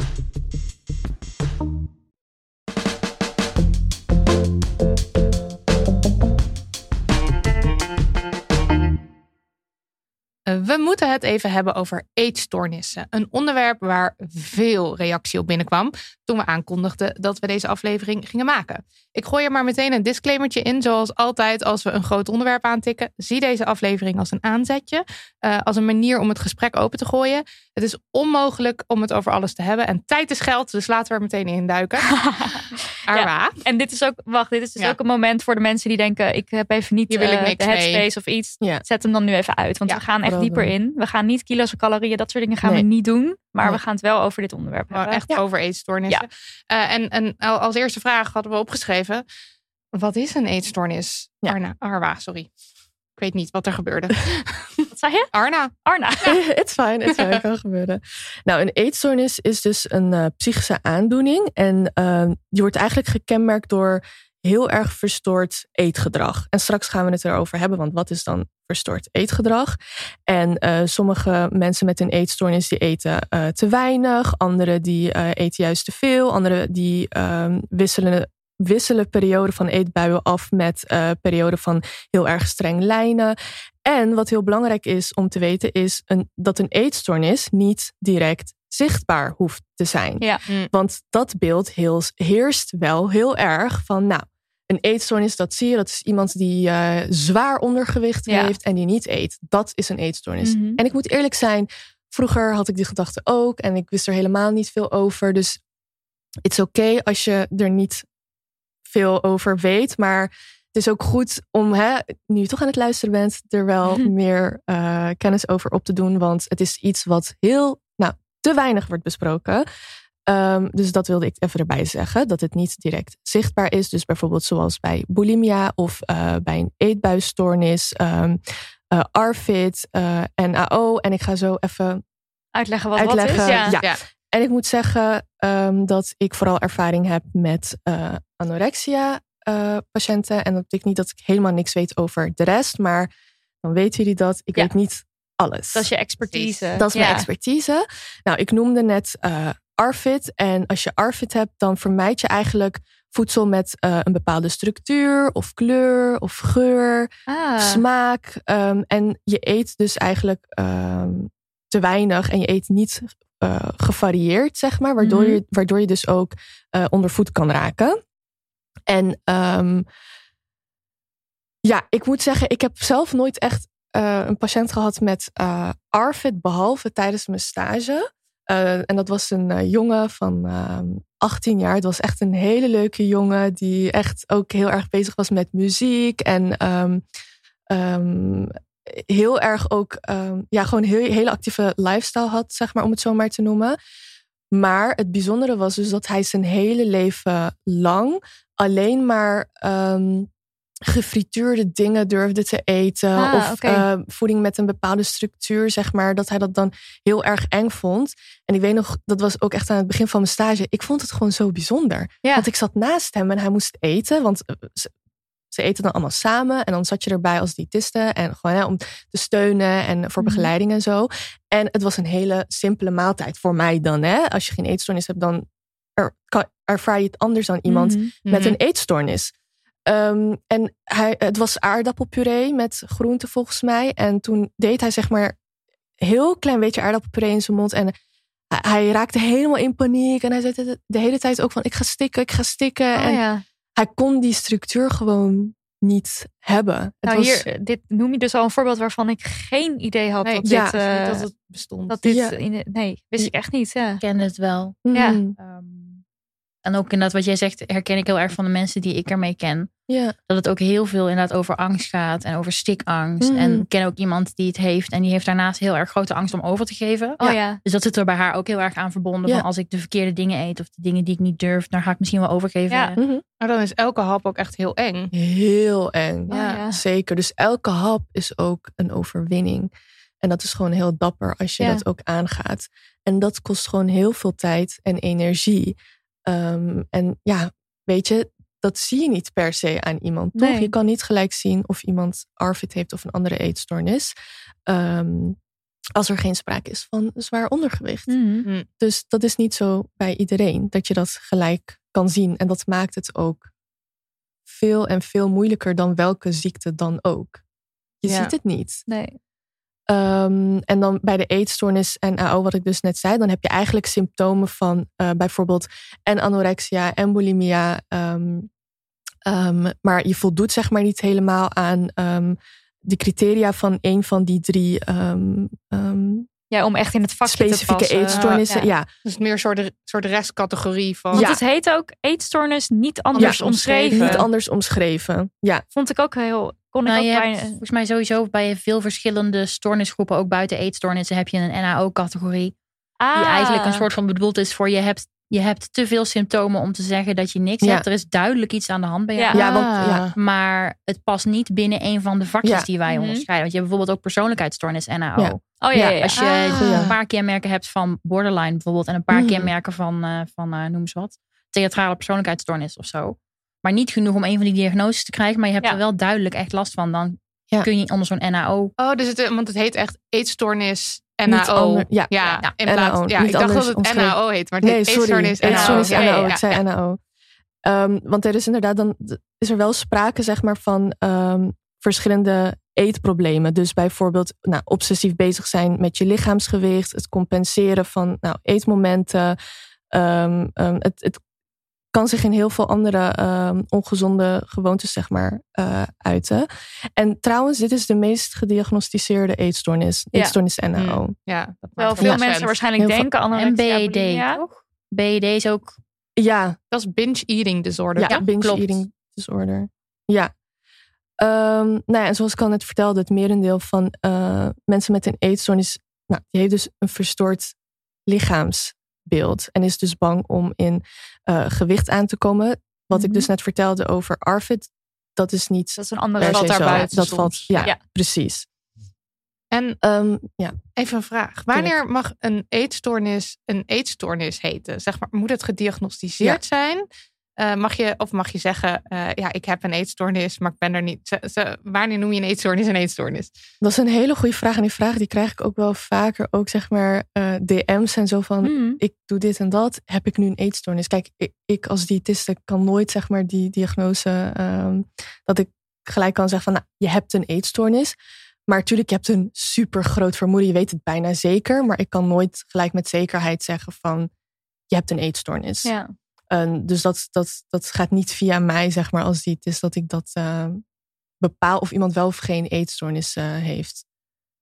Moet heel goed uitgevraagd worden ook, maar niet door ja, mij. want ik zag de cijfers en het was iets van 200.000 mensen in Nederland elk Ja. jaar. Toen dacht ik, dat is heel laag. Maar misschien, oh, ja, Dat omdat zijn- ik dus denk dat heel veel mensen wel eh, erin vallen, maar dus Mhm. nooit, nooit de stap hebben gemaakt om zich te laten diagnosticeren. Ja. Misschien omdat ze dus denken, ik heb het niet, want ik heb niet anorexia, zeg maar. Dus die link. Mhm. Of je denkt, ik Of stel me aan. Ik of vind het kom wel er lekker uit. wat ik aan het doen ben. Ik ga Ja. hier te goed op. Dus ontkenning en zo. Omdat er best wel veel mensen in mijn omgeving zijn die nu daar zo'n beetje, nou ja, Marilotte, Ja, ik denk dat ik er één van ben. Dat ik niet vroeger naar de huisarts ben gegaan, maar als ik was gegaan, dat ik dan was gediagnosticeerd met een eetstoornis. Maar ik heb nooit de diagnose. Ik, heb, ik ben gewoon nooit voor naar de dokter geweest. Ehm, maar als ik het, eh, het, zeg maar, als ik zo hoor, zit ik ergens tussen binge eating disorder order Ja. en NAO. Maar ja, eh, ik noem het maar gewoon altijd wel een eetstoornis. Ja, of, of een verstoorde relatie met eten. Als we Ja. een interview Ja. hebben of zo. Weet Ja, je wel? precies, Want het dat is niet gewoon dat je een label wil claimen, maar nou ja. het is Ja, maar gewoon het is meer. ook niet als jij merkt, dit heb ik meegemaakt, hier heb ik echt last van gehad. En je kunt zelf echt wel beoordelen van, dit was gewoon een passerend moment dat ik het even moeilijk had. Of dit heeft me echt jarenlang. jarenlang beheerst. Precies, ja. Dat weet je zelf echt wel. ja, dat is zo. Ja, En, en een diagnose is ook is voornamelijk iets waardoor je- mensen je kunnen behandelen. Maar als je die niet hebt, wil dat niet zeggen dat er nooit iets met je aan de hand is geweest. Precies. Ja, dat wilde ik dus zeggen. Dat, dat een diagnose zegt niet of het, het maakt niet minder erg. Of, snap je? Dus Ja. het is niet zo dat, dat je per se gediagnosticeerd moet worden met... hé, hey, je hebt een eetstoornis, dan is het echt. Ja, ja, ja. Natuurlijk niet. Ja. Weet je, en al helemaal als je er ehm, nooit mee eh, naar de huisarts bent toegegaan... of je hebt no- nooit om hulp gevraagd of zo. Kijk, ja, dan, dan, heeft, dan heb je ook niet de kans gehad om dan de diagnose te krijgen. Maar dat betekent niet dat het er niet was. Mm. Nee, precies.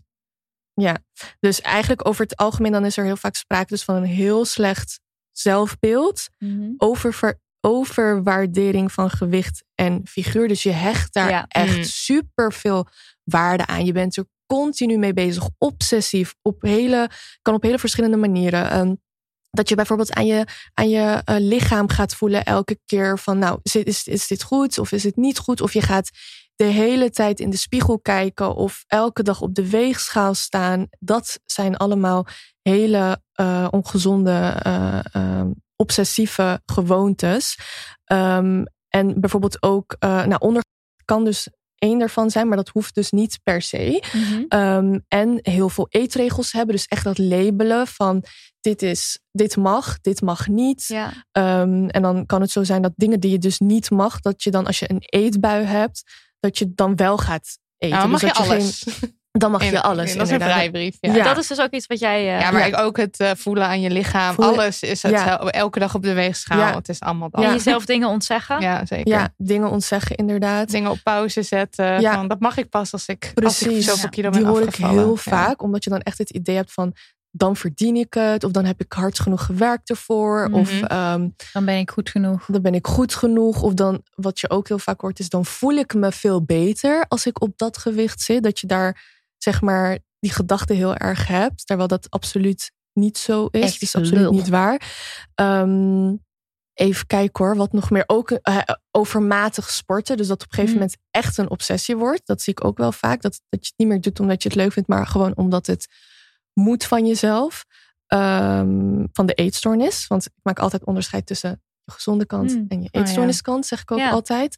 Ehm, of bijvoorbeeld ehm, gebruik van laxeermiddelen eh, of braken.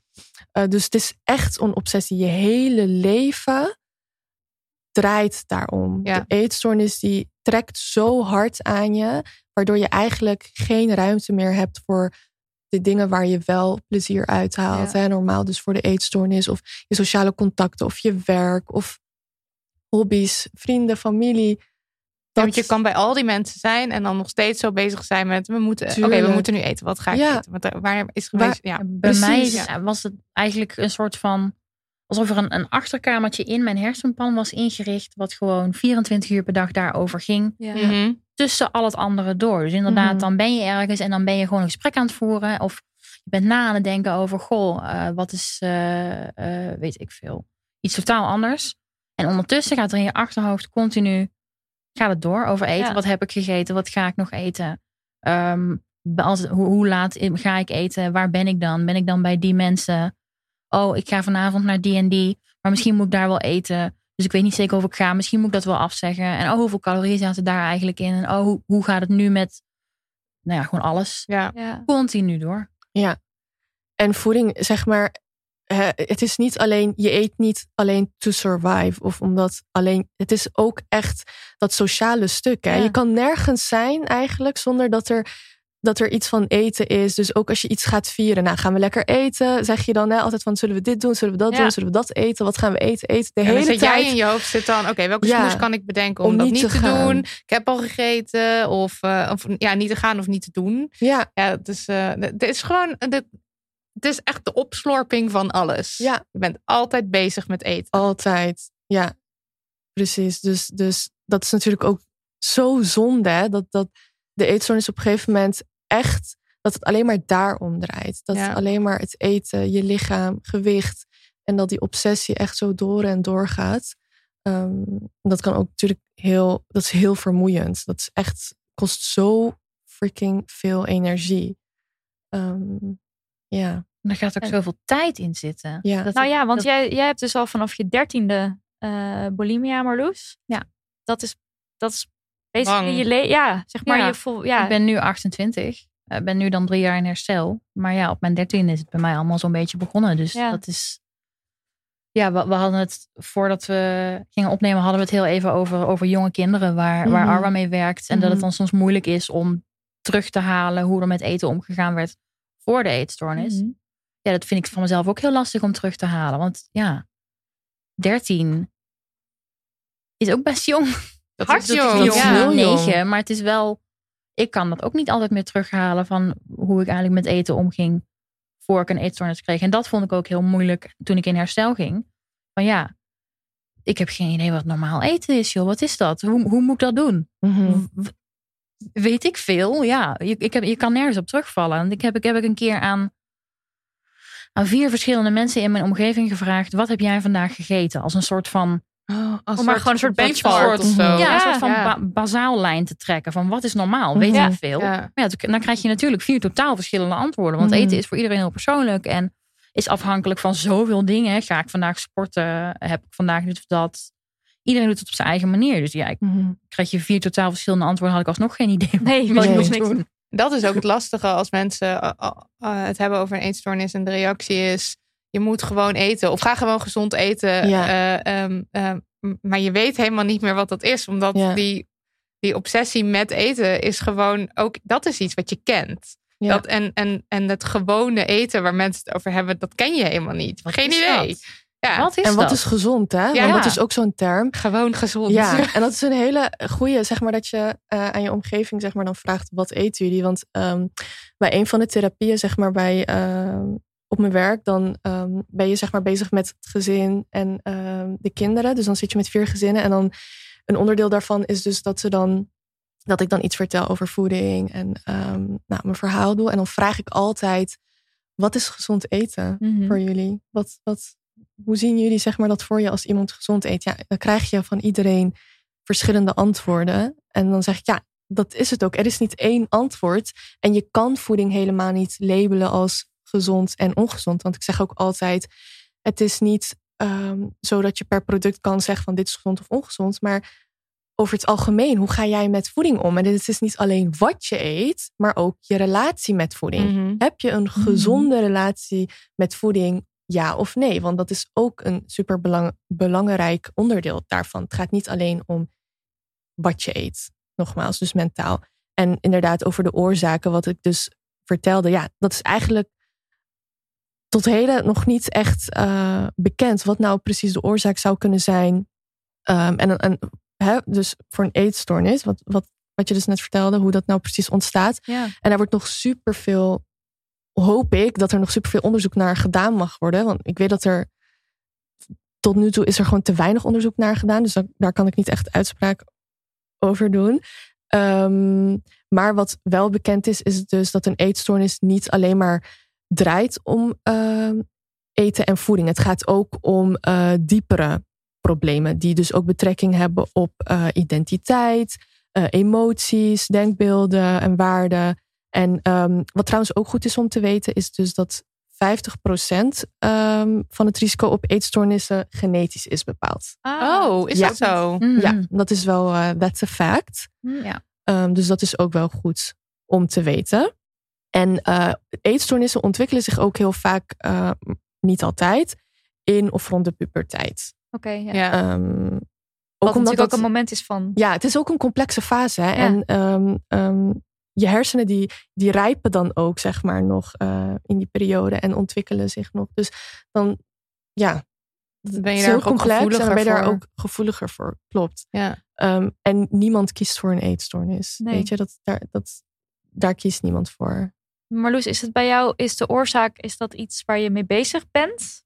Ehm, nee, eigenlijk niet meer. Ehm, omdat ik ook inderdaad erachter kwam dat dat heel moeilijk aan te wijzen is. En dat het ook eigenlijk niet zo heel veel uitmaakt.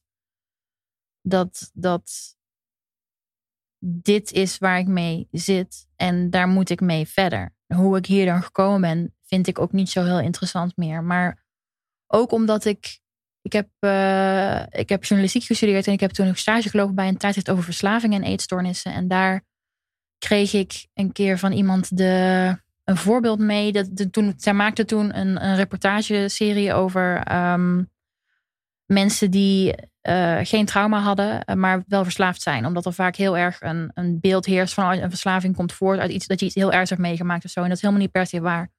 En toen was er iemand, een wetenschapper geloof ik, die het zich voorstelde als een soort van een verslaving of een eetstoornis is een emmer. En als Ja. die overloopt, dan, heb je, dan ben je verslaafd, dan heb je een eetstoornis. En bij sommige mensen zit daar bijvoorbeeld al een laag genetische dingen in. Bij andere mensen niet. Bij sommige mensen komt er iets van een trauma in. Bij andere mensen niet. Bij sommige mensen komen er persoonlijkheidskenmerken in die getriggerd worden door iets of wat dan ook. Het maakt ook helemaal niet zo heel veel uit. Uiteindelijk is die emmer vol en heb je een probleem. En is dat iets waar je iets mee moet of wil. Hmm. Dus ja, ik, ik ehm, kan ook niet iets aanwijzen waarvan ik denk dat is waarom ik een, een eetstoornis heb gekregen. Ik denk dat er bij mij ook genetische aanleg in zit. Ehm, misschien niet per se voor eetstoornissen, maar wel voor verslavingen. Omdat er aan mijn moederskant van de familie ehm, door bij verschillende mensen verslaving speelt. Dus ik denk dat ik diegene sowieso heb meegekregen. Het was bij mij ook in mijn, ehm, mijn puberteit. Dus het zou ook met mijn hersenontwikkeling te Mm. maken gehad kunnen hebben. In combinatie met dingen die gingen veranderen. In combinatie met dat ik best wel een beetje een control freak ben van mezelf. Dat ik graag grip hou op dingen. En dat het niet altijd gaat. En dat je dan op zoek gaat naar iets anders wat je wel kunt. Ja, dat heb ik al vaker ook gehoord. Dat dat En ook. ja. eh, de- Want in het begin houden. voelt Ja. het ook zo. Hmm, ja. Het was ook. Ja, ik begon op mijn dertien een beetje te rommelen met eten. Ehm, dat begon serieus uit de hand te lopen op mijn 15, 16 zo'n beetje. Omdat ik toen ook bezig ging met afvallen. Ehm, maar ik was continu onder de veronderstelling... Ja, maar ik kan hier gewoon weer mee stoppen. Ja, ja, Ik heb Ja. hier helemaal de controle op. Dit is iets wat ik zelf bewust doe, omdat ik dat zelf wil. En als ik nu zeg, nu is het genoeg, dan hou ik er weer mee op en dan is het prima. En dan kom je erachter dat dat niet zo is. En dan denk je, oh shit. Oké. Maar toch voelt het alsof je er iets van controle uithaalt. Ja. Voor mij in elk geval. Ja, praat hier vanuit mijn eigen ervaring, maar ik hoor het ook wel van andere mensen. Maar het is natuurlijk niet universeel. Had je dan ook bij elke keer als het dan zeg maar een soort van misging in jouw optiek, dat je dan de volgende dag dacht, maar, maar nu heb ik het weer onder controle. Want dat had ik altijd. De Altijd. volgende dag was het altijd weer. Sowieso. Dan had en, ik het weer onder controle. en als ik het de volgende dag niet onder controle dan de had, volgende dag. had ik het maandag onder controle. Want dat is Precies. een nieuwe week. Of de eerste van de maand. De eerste van de maand. Precies. Dat je denkt, dit is, mijn, dit is mijn nieuw begin. Ja. Dit is nu ga, en dat, dat is ook... Ja, mijn- mijn brein is daar blijkbaar ook heel gevoelig voor. Want zo werkt het inderdaad ook bij mij. Als ik dan net ergens mee begin en dan ben ik super helemaal op gericht. En dan denk ik, yes, let's go. En dan gaat het ook heel goed. En dan ben ik ook compleet in control. En dan voelt dat super lekker. Dan ben ik bijna een soort van high. Ja. Mijn eigen eetstoornis. Maar je hoeft maar die streak te verbreken. En dan, dan, En dan het- rafelt het allemaal uit elkaar. Alsof, je- alsof je een soort van breiwerkje van de naald valt. En je probeert het terug te halen. Maar het gaat niet. Want er zijn al 18 gaten ingevallen. En shit. ja, Helaas. En dan is alles verpest. Dan heb je echt zo'n resetperiode nodig. Ja. En dan kan je weer beginnen. Precies dat. En dan Ja. zit je weer helemaal vol in die van, ja, dit keer lukt het wel. Het gaat lekker met mij. Let's go. En dan, ja, nee. Ja. En gewoon continu dat. Maar als je het hebt over dit keer lukt het wel, wat lukt er dan? Eh, afvallen, niet eten. ehm, Blij zijn ook wel. Of een soort van spontaan, meer, meer naar de wereld toe. Had ik dan altijd ook wel. oh ja, oh nee, dat had ik niet, Nee? denk ik. Nee, het was bij mij gewoon echt dat ik dacht, ik, ik had dan in mijn hoofd heel duidelijk, dit is een goed leven en dit is een goede manier met eten Mm. en, en om te gaan. Nu ben Ja. ik goed bezig. En dat was zo van dat, dat zou dan dit keer wel lukken. Zo van dit keer lukt het me om alleen te eten wat ik me voorneem. Ehm, en om zoveel mogelijk over te geven. Want ik had bulimia, dus Ja. overgeven kwam er ook bij kijken. En Dat was een van de dingen die je wilde eh, overgeven. Dat was goed. overgeven was goed. Ja, Ah, oké. Ja, ja. ja. ja. dat is, eh, vinden mensen vaak heel lastig eh, als ik dat zeg. Maar overgeven was en is eigenlijk voor mij iets positiefs. Hm. Ja. Eh, dus dat was ook heel lastig om los te laten. Ja. Ehm, maar ik had dan gewoon een heel duidelijk beeld van nu ga ik, nu heb ik, nu heb ik echt alle touwtjes in handen. Nu ga ik alleen maar de juiste dingen eten. Want ik had inderdaad ook heel duidelijk in mijn hoofd van dit is goed en dit is niet goed. En nu ga ik in één rechte streep netjes afvallen. In plaats van in een soort van op en neer en alle kanten op. Dan weer een beetje erbij, dan weer een beetje af. Nu, nu, nu komt het goed. Want dat was wat goed was. ja. Dun Wist je zijn dan- en niet eten. Wist je dan van jezelf, ik heb een eetstoornis. Dit is eigenlijk wat ik nu doe, is eigenlijk niet gezond? Of is dat helemaal niet iets wat binnenkomt? Op een gegeven moment wel. Ehm, in het begin niet. In het begin dacht ik, waar heeft iedereen het over? Of dan dacht ik, ja, maar bij mij is het allemaal niet zo erg, want ik ben niet dun. Mhm. Ehm, dat is ook weer die mythe natuurlijk van Die hoor ik ook heel Ja. vaak hoor. Want, eh, sorry dat ik je onderbreek, maar Nee, laatst had iemand mij ook een DM gestuurd eh, met eh, dat, dat ze sinds een jaar, sinds corona eigenlijk, een hele nou ja, ongezonde relatie met voeding heeft. Beperkt aantal calorieën bijvoorbeeld, overmatig sporten. hele ongezonde gewoontes eigenlijk. En het het was zo lang bericht met. En alles in me die roept eetstoornis. En dan eindigt ze wel het bericht met. Maar ik heb geen ondergewicht, hè, dus het is allemaal niet zo erg, denk Mm, ik. Toen dacht ik, nee, dat, dat, het is niet altijd alleen ondergewicht. nee. En dat, dat idee heerst nog bij superveel mensen. Dat je alleen een eetstoornis serieus kan nemen. Of het is alleen echt als, als je ook ondergewicht hebt. Want dat is ook ehm, waar, tenminste wat ik dan zie bij patiënten met een eetstoornis. Als, die dan, hè, als je wel ondergewicht hebt gehad en je gaat naar gezond gewicht toe.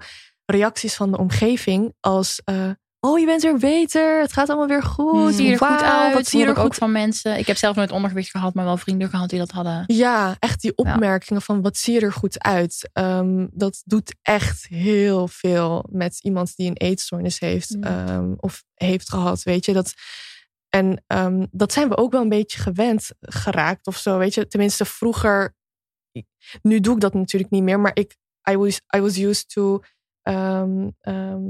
you know, like wanneer je iemand ziet die is afgevallen of Ja. zo, om dan ook te zeggen, hé, hey, wat zie je er goed uit? Ben je En afgevallen? ben je ook? Ja. afgevallen? Je bent zo lekker slank. Ja, Ja. of echt dat, dat soort dingen. Weet je, dat, je hebt dat helemaal niet door hè, zelf. Dat dat, dat echt, echt niet goed is. En, en, ja, en, en- hoe erg het blijft hangen ook. En Want hoe ik erg het denk als ik hangen. terugdenk ook aan vroeger, aan de opmerkingen die tegen mij, die, die tegen mij zijn gemaakt over mijn gewicht. Of het nou iets negatiefs was of iets positiefs. Dat dat zijn de dingen die ik heel makkelijk terug kan halen. Ook de situatie. Dat ik bijvoorbeeld met mijn moeder in de auto zat. En ik was aan het uitleggen hoeveel ik dan at. Wat veel te weinig was. En ik weet nog dat mijn moeder zoiets zei van... eh, ja, nou, maar we houden het wel in de gaten. En als je te dun wordt, dan eh, trek ik wel aan de bel of zoiets. Weet je wel? Oh, ja. Terwijl ik, wa- wat ik aan het... Ik weet nog, dat wat ik aan het uitleggen was... was gewoon echt niet een gezond iets. Nee. En ehm, de- die situatie weet ik gewoon nog zo goed. Dat Ja. zij ook zo dacht in. eh, nou ja, en dan straks dan ben je dan dun en dan zetten we er stop erop of zo. Ja. Ja, Nou ja, omdat het ook- idee heerst van dun is goed. Goed, ja. Dun is gezond. Ja, en t- En dan heb je dus ouders die dat ook actief gaan Ja, aanmoedigen Ja. om daar naar te streven. Ja. Nou zeker. ja, en ook je, je eetstoornis gaat als een soort van vertaler overal tussen zitten. Dus het maakt ook eigenlijk niet meer uit wat mensen zeggen, want je eetstoornis weet er toch wel een draai aan te geven. Ja. Die Ja. altijd neerkomt op, je moet beter naar mij luisteren en minder naar andere mensen. Oh ja. Iemand zegt, wat zie je er goed uit als je bent aangekomen? Jouw hoofd zegt, ze vinden je dik. Oh ja. Dat. Hmm. En dat is gewoon niet waar. Maar ook echt heel irritant. En wat stel je hebt nou door van jezelf, hey, het lijkt erop dat ik die kant op ga of dat ik een eetstoornis heb. Wat voor stappen zou je dan kunnen ondernemen?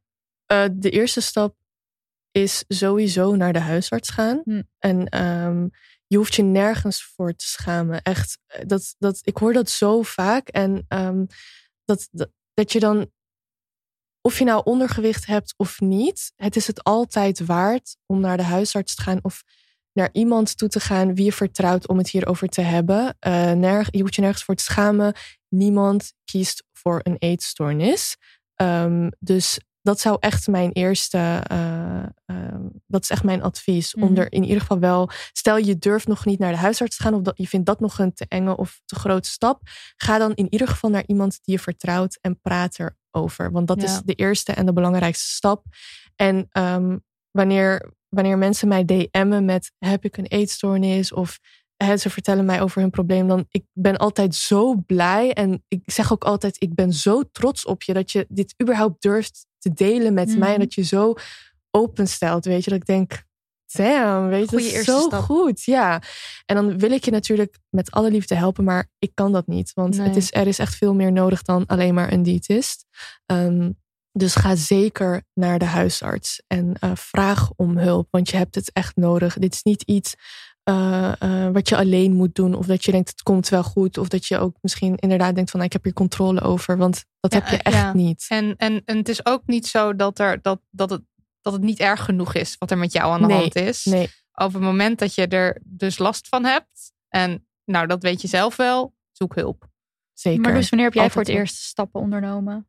Ehm, voor het eerst. Ehm, ik denk hoor. Dat is al best wel lang geleden.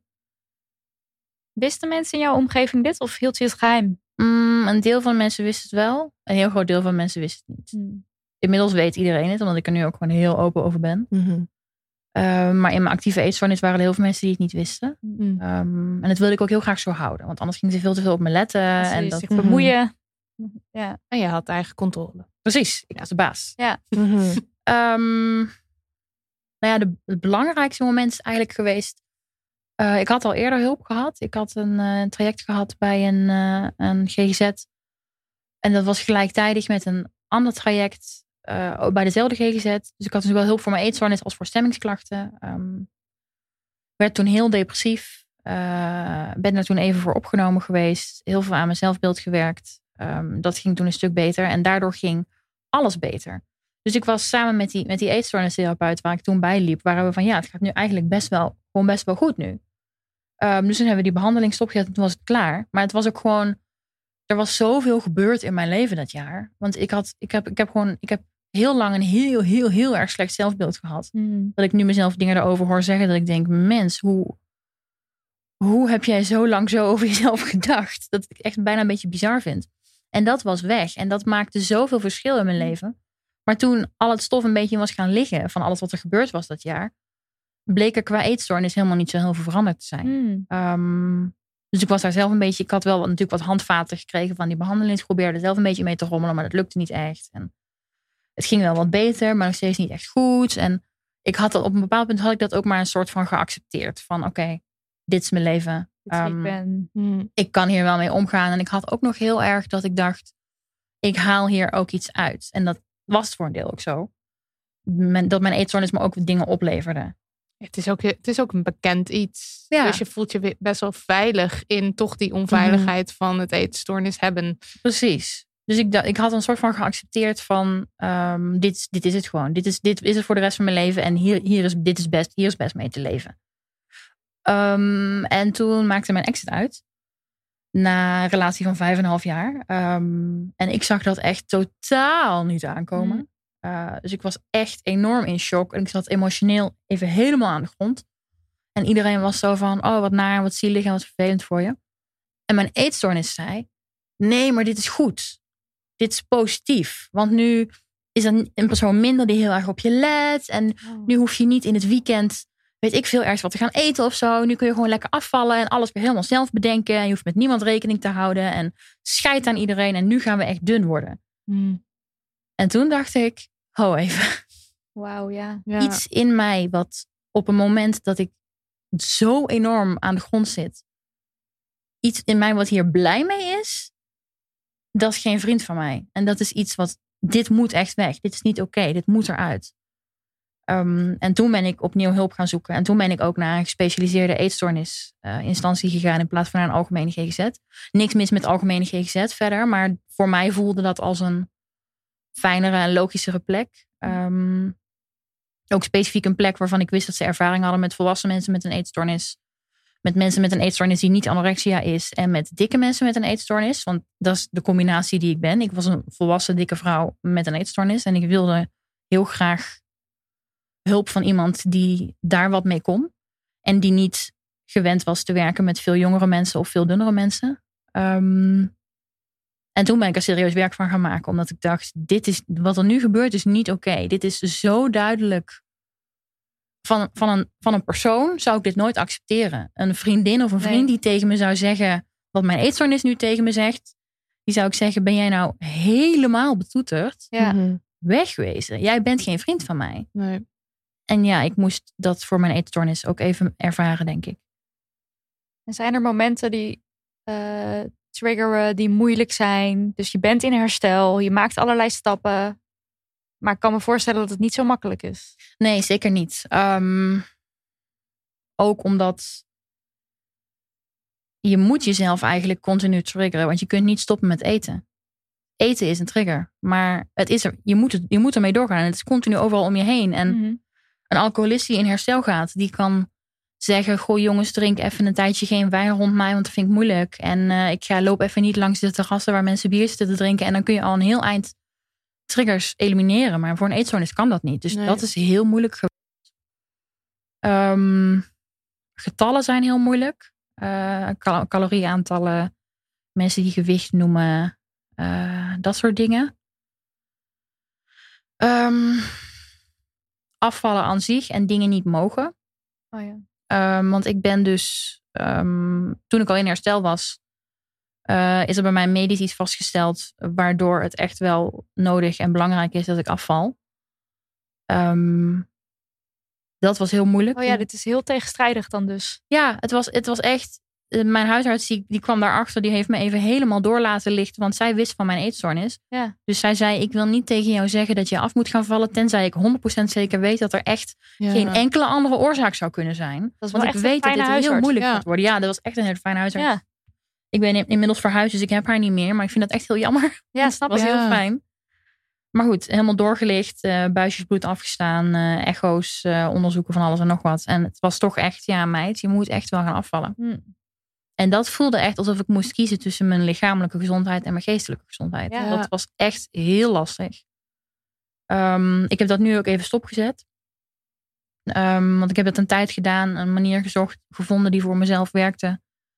Ehm, en dat ging heel goed, maar ik merkte dat ik de laatste tijd toch te veel. Ja, dat het de verkeerde kant weer opging. Dat ik te vaak op de weegschaal stond en zo. Dus ik heb het nu even weer op stop gezet. Speelt eh, corona daar dan ook een rol in? Of niet? De, gewoon de coronatijd. Dat, eh, ik merkte het bijvoorbeeld zelf door, omdat ik veel thuis zit en zo, dat ik dan toch wel minder goed voor mezelf ging zorgen.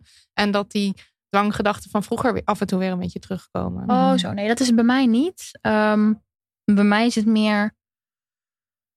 ehm, dat, er is heel veel veranderd in mijn leven de afgelopen tijd. Ehm, nou, ik, heb, eh, ik heb anderhalf jaar thuis gezeten met een burn-out en een depressie opnieuw. Ehm, ik ben verhuisd, ben samen gaan wonen met mijn partner.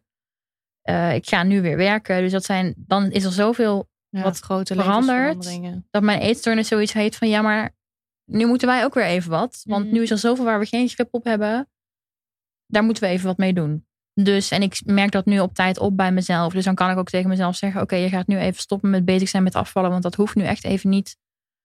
Eh, want je geestelijke gezondheid en je herstel is nu even het belangrijkst. En dat, dat pak je dan later maar weer een keer op. Dat komt wel goed. Ja. Ehm, dingen niet mogen, wat ik net zei. Als ik eh, eh,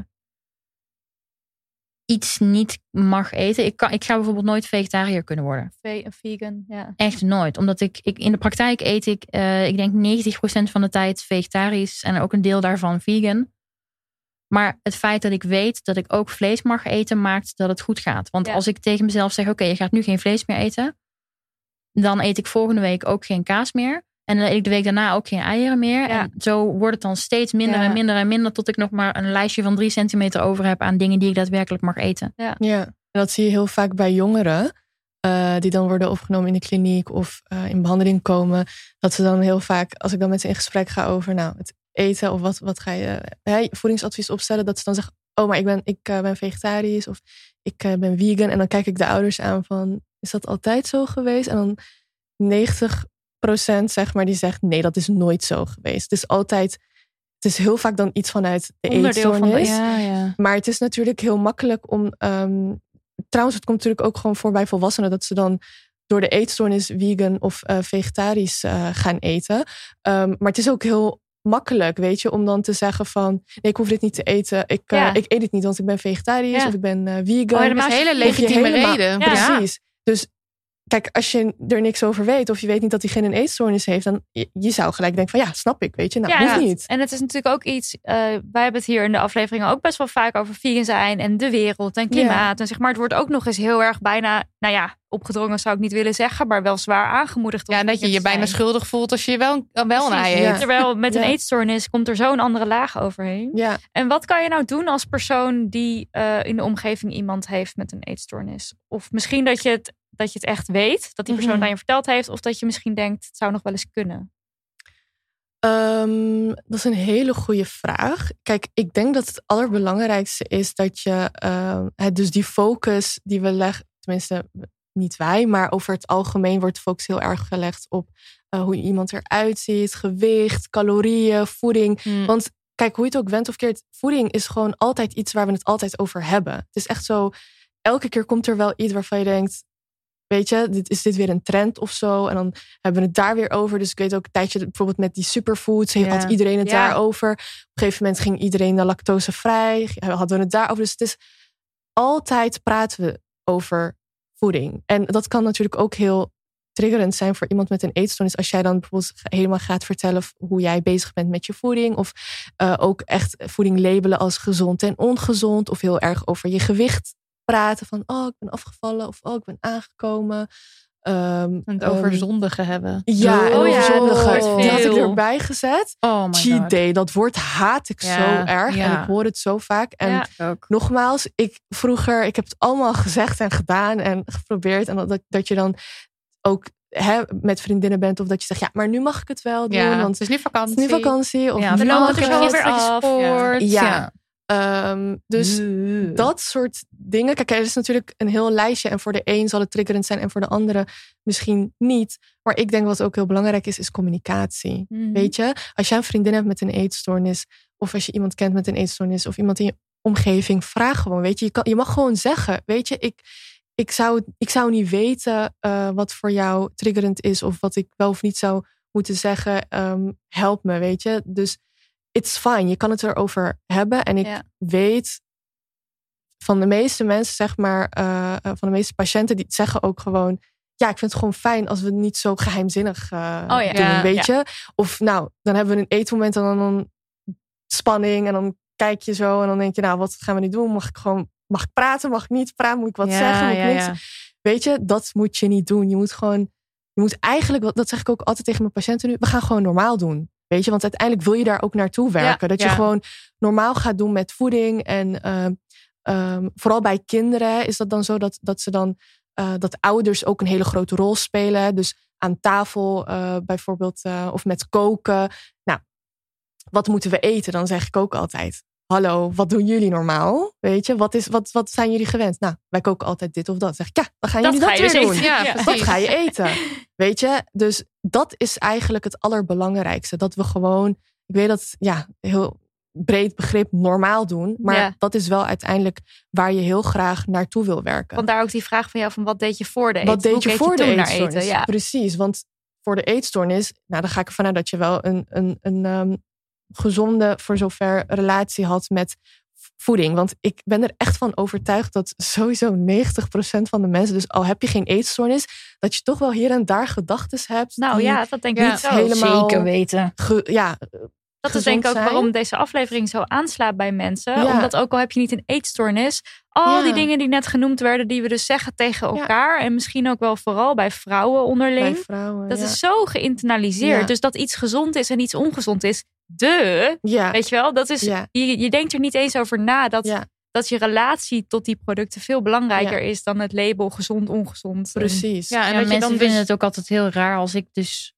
zeg, als mensen het over gezond en ongezond eten hebben, dan zeg ik altijd, ja, gezond eten bestaat niet. En dan word ik heel verbaasd dat aangekeken. klopt. Ik wilde het net zeggen. Het is echt... Alles, Zo ingestampt. alles is gezond, Alles is En- gezond. alles is ongezond. Ja, 8 kilo sla is ook niet goed voor je. Nee. En ook wat, wat ik bij Arwa op de story heb, story heb gezien op Instagram. eh, een appel is gezond, maar als dat het enige is wat je eet, is dat niet gezond. Nee, dus ja, wat is het dan? Ja, Ja, je kunt niet van eten zeggen, dit is gezond eten.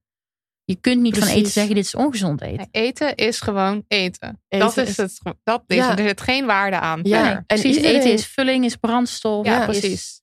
Is, van alles en nog wat, maar het is zeker niet iets moreels of zo. Ja, dat is precies, weet je. En ehm, als je eh, in je omgeving, zeg maar, aan verschillende mensen gaat vragen: wat eet jij? Je krijgt zoveel verschillende antwoorden. Want voeding is niet one size fits all. Mhm. It's different for everyone. Ehm, en wat dan ook bijvoorbeeld heel grappig is, zeg maar, dat je dan heel vaak ook de vraag krijgt van. ehm, Oké, eh, maar pizza kan toch niet gezond zijn? Nee, dat Ja, kan ja. niet. Dat is niet gezond. Hou maar op met die onzin, weet je wel. En dan Mm. zeg ik, ja, ehm, wat is daar dan niet gezond aan? Wat gebeurt er als je dat eet? Want heel vaak heb, eh, eh, heerst er ook zeg maar echt een beeld van als je pizza of friet of weet ik veel, dat soort gefrituurde producten eet, dan wordt dat gelijk opgeslagen als vet in je lichaam.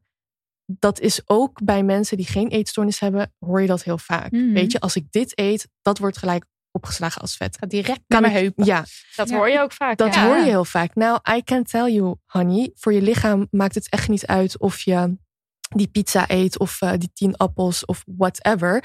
Want het komt je lichaam in, wordt verteerd en het wordt verbruikt, zeg maar. Die energie, die, die, die wordt gewoon gebruikt voor allemaal processen in je lichaam. Ehm, nou, we gaan niet helemaal in details vertellen wat er allemaal in je lichaam gebeurt, maar het wordt gelijk verbrand. Dus dat ook. Er bestaan ook geen producten waar je van af kan vallen. Dat zie je ook overal. Ook op social media, Instagram. Nou, als Ja, je die dit mythe drinkt... over bleekselderij. Dat Oh dat my dan- God. Ja, en Weet je wat ik- negatief eten. Dat, Dat je, bestaat dat kan niet. dingen Dat die je eet, waarbij je dan zoveel calorieën zou verbranden met het eten. Ja, ja En gelul. dat is zo gek, weet je. En ik denk dat ik ook denk, waarom is dit niet illegaal? Of al die drankjes of al die sapjes die gepromoot worden Ja. van mede-influencers. Ja. Dat Mhm. ik denk van, doe eens even normaal. Dat, dat, dat, dit, En hoe, gevaarlijk ook, hè? precies. Ja, en het is super gevaarlijk ook. Zoveel rare meuk geslikt. Ja. Nu denk, Ja. wow, En er zijn ook echt mensen aan overleden. Hè? Dus je moet niet denken van, nou, als het, pro- want dat, dat ook, je hebt dan het idee van, nou, als dat product hier in Nederland verkocht mag, wo- mag mag het worden, dan is het. Nee. geloof mij, dat is echt niet zo. Nee. Nee. Ehm, Nee. En ook met die sapjes en, en, ehm en eh, weet Laxeerthee ik veel, dat en- al die dingen. Ja, oh dat-. Maar je bent, ook, je, bent ook, eh, je bent gewoon echt verder van huis als je er te ver in gaat met die sapjes en die dingetjes. En je, Mhm. je Ja. mest alles up. En dan moet je weer Ja, helemaal opnieuw beginnen met precies. de boel weer. Ik, eh, ja, Dat is niet leuk. echt Nee. En misschien leuk om te vertellen. Toen ik eh, vorig jaar mijn sollicitatiegesprek had bij mijn huidige eh, werk. En dat was met de psychiater en een andere eh diëtist erbij. En eh, die psychiater die vroeg me natuurlijk allemaal dingen. Ik dacht, ja, misschien vraagt ze dat om te kijken hoe mijn relatie met voeding is. Weet je wel, van... Wat vind jij ervan als je... Nou, zo we hebben nu hier taart en je, eh, wat eh, dan... Toen keek ik haar ook aan van, vraag dat serieus aan mij? Weet je, tuurlijk, tuurlijk ga ik gewoon... Ik eet het gewoon en ik heb een hele, hele ehm, eh, andere kijk, zeg maar, op voeding nu ook. Nu ik meer ervaring heb met eetstoornissen, eh, ook vanuit mijn stage toen. Maar toen zei ze tegen mij van, ja, en die eh, sapjes en kuren en weet ik veel allemaal. Wat, eh, zei ik, ga ja, weet je, waarom de fuck hebben we dan onze lever en nieren? ja, wat doen die? precies. En toen Ja. keek ze me echt zo aan en zei ze, zo heb ik er nooit over nagedacht. En toen dacht ik, ja, weet je, het is zo logisch, maar op de een of andere manier maken we het allemaal zo mysterieus en ingewikkeld. En oh, het mensenlichaam, we weten niet hoe het werkt. En we hebben allemaal dingen nodig van buitenaf om je lichaam te reinigen en al die. Ja, en we willen dat wondermiddel om allemaal We maar te dat- voldoen aan, de, aan het schoonheidsideaal. Ja, Nou ja, maar of juist, niet. we willen, ehm, eh, we, we vinden het heel mysterieus, we weten niet hoe het werkt. Of juist, we weten precies hoe het werkt en daarom doen we dit. Ik, had, ik heb heel veel, toen ik heel diep in mijn eetstoornis zat, heb ik eh, ook laxeerpillen geslikt. Mm. Omdat ik ervan overtuigd was. Ja, maar ik zie, minder, ik zie dan minder op de weegschaal. Dus, Dus dan ben je er afgevallen. Ja. Ja. Dat is echt onzin. Ja. Dat is gewoon echt niet waar. Dat Ja. is A, heel slecht voor je. En B, je Vocht. Dus vocht vocht. Vocht, vocht, vocht. Ja. Vocht en darminhoud. Ja. als jouw Ja. darmen leeg zijn en je bijna geen vocht in je lijf hebt, ja, dan geeft de weegschaal inderdaad wel lager aan. Maar Ja. dat wil niet zeggen dat je afgevallen bent. Dat, ja, zo bizar is dat. Ja, dus eh, al die eh, producten en al die dingen die je online ziet. Ook als er eh, bepaalde mensen met heel veel volgers dat soort producten promoten, moet je er niet van uitgaan dat zij eh, daar voldoende research naar hebben gedaan. Of dat zij er verstand van hebben. Of dat ze daar. Zij weten daar geen shit over. En zij verdienen daar superveel het is geld. gewoon geld. Ja. Verdienen aan onzekerheid. En, En, precies. aan eetstoornissen zelfs. Ja. Ja. Ja, Echt aan een ziekte zit je geld te verdienen. Precies. Wees maar trots. Ja, Ik snap echt niet dat je dat... eh, Nee, ik word er ook echt. echt geboest. Nee, ja, Word je helemaal gek van. Als er een wondermiddel bestond, dan was er niemand meer dik. nou ja, zo kan je het ook nog zien. Want dat, dat als er iets was wat echt, echt blijvend Echt werkte, werkte. Ja. ja, dan was er niemand weer dik. Want in deze wereld waarin dik zijn zo wordt gezien als iets minder waardigs, ja. wil niemand dik zijn. Nee. Dus ja, als er iets was wat echt werkte, dan had ik het al tien keer gedaan. Mhm. En met mij heel veel andere dikke mensen. Ja. Er is gewoon niks wat werkt, omdat dat is waar de dieetindustrie op draait. Ja. Dat je steeds dunner wordt en dan weer niet. En dan moet je weer iets nieuws proberen en dan val je weer af en dan kom je weer aan. En dat, dat, is, dat is waar die hele industrie op drijft. Als er ooit iets uitgevonden wordt wat werkt, gaat er een Mhm. enorme industrie gewoon compleet failliet. Ja, dus dat dat, zou is heerlijk eigenlijk zijn, gewoon mensen? helemaal iets, Ah. niet iets wat ze gaan uitvinden als Nee. het al uitvindbaar Nee, is. wil dus, echt dus kunnen we elkaar stimuleren om het failliet te laten gaan. Ja. Door dit soort beelden gewoon weg te Maar dat het is Zeker. ook echt een eye-opener hoor. Dat, dat er zo verdiend Zeker. wordt aan onzekerheid. Je, Ja. We zouden, als we nu zouden besluiten, we doen het niet meer. Ja. De hele economie mee. kunnen laten Stort in. instorten. Ja. Ja, En weet je, het allerbelangrijkste, wat we dus ook net vaker hebben benoemd, is dat je gewoon een ehm, gezonde relatie hebt met voeding. En dat je gewoon normaal omgaat met voeding en naar je gevoel luistert en naar je Ja. lichaam. Waar heeft jouw lichaam behoefte aan?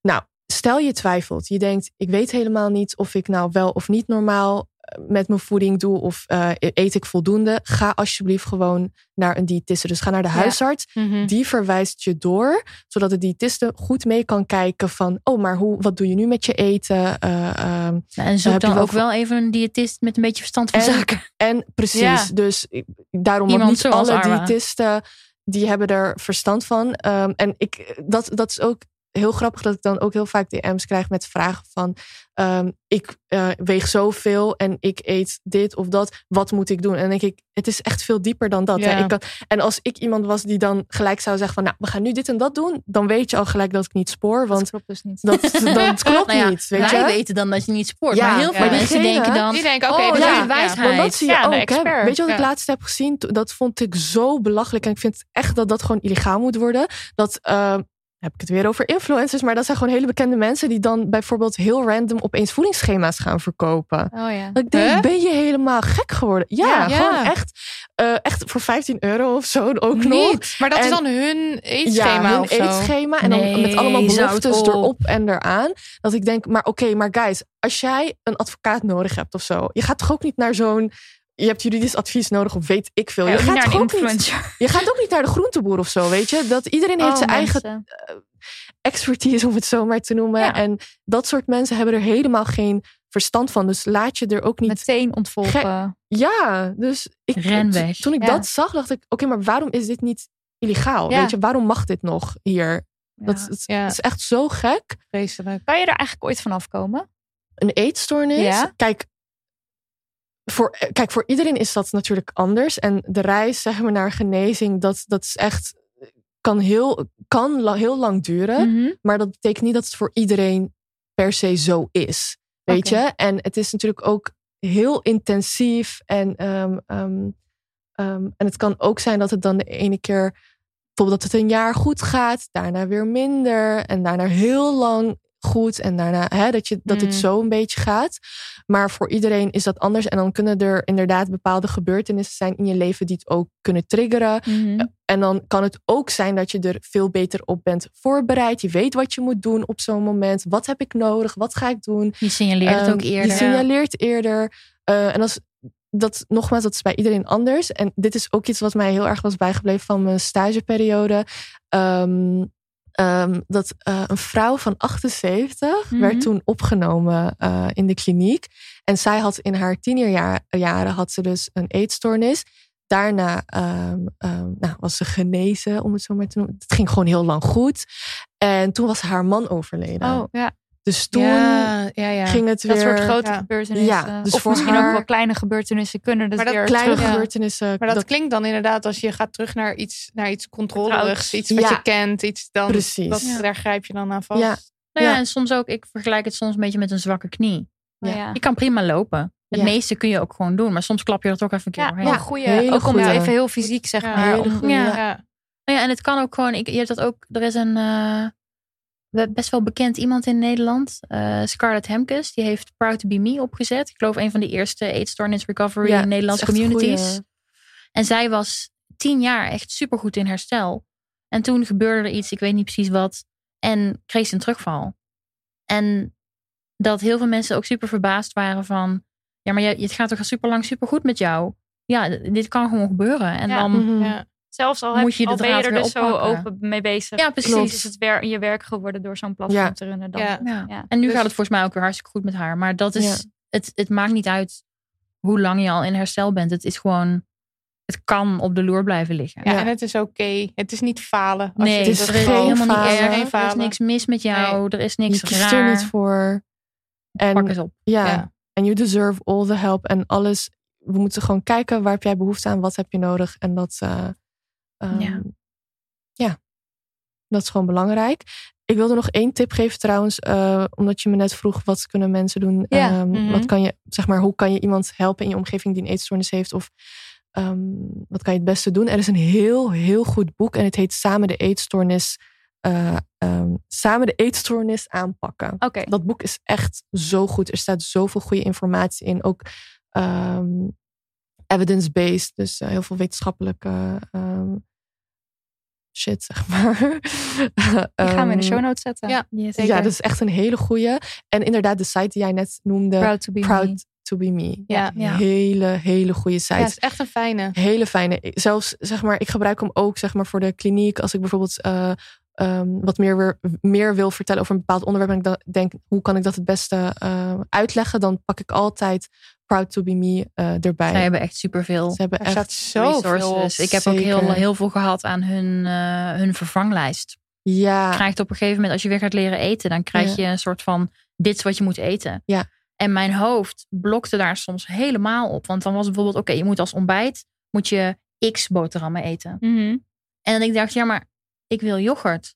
Oh ja. Maar En hoe, dan? hoe Ja. vervang ik dat dan op een goede Op een manier? veilige- Ja. ja. En daar bestaan gewoon hele lijsten voor van x boterhammen staan gelijk aan Oh, ja. ei-yoghurt met z krusli bijvoorbeeld. En daar had Goeie. Proud Me ook een hele goede uitgebreide van die ik ook veel heb gebruikt. ja. Fijn. Het is gewoon Ja. een hele, hele uitgebreide website waar je met heel veel blogs over heel veel eetstoornis gerelateerde dingen. Wordt gerund ook door ervaringsdeskundigen, toch? Want Ja, die en weten gewoon precies wat er in je hoofd ja, ja. Als ik het goed heb, bestaat het team voor een heel groot deel uit ervaringsdeskundigen en voor de rest uit mensen die eh, psychologisch opgeleid zijn. Oh, ja. Dus die er Ja. vanuit ehm, kennis heel veel van weten. ja.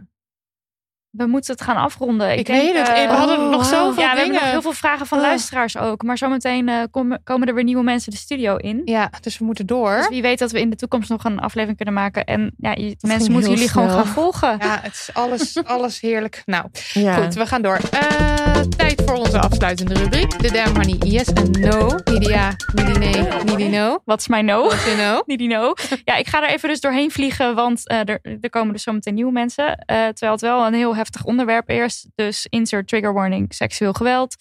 Eh 11% van de vrouwelijke studenten in Nederland is tijdens de studententijd slachtoffer van eh, verkrachting geworden.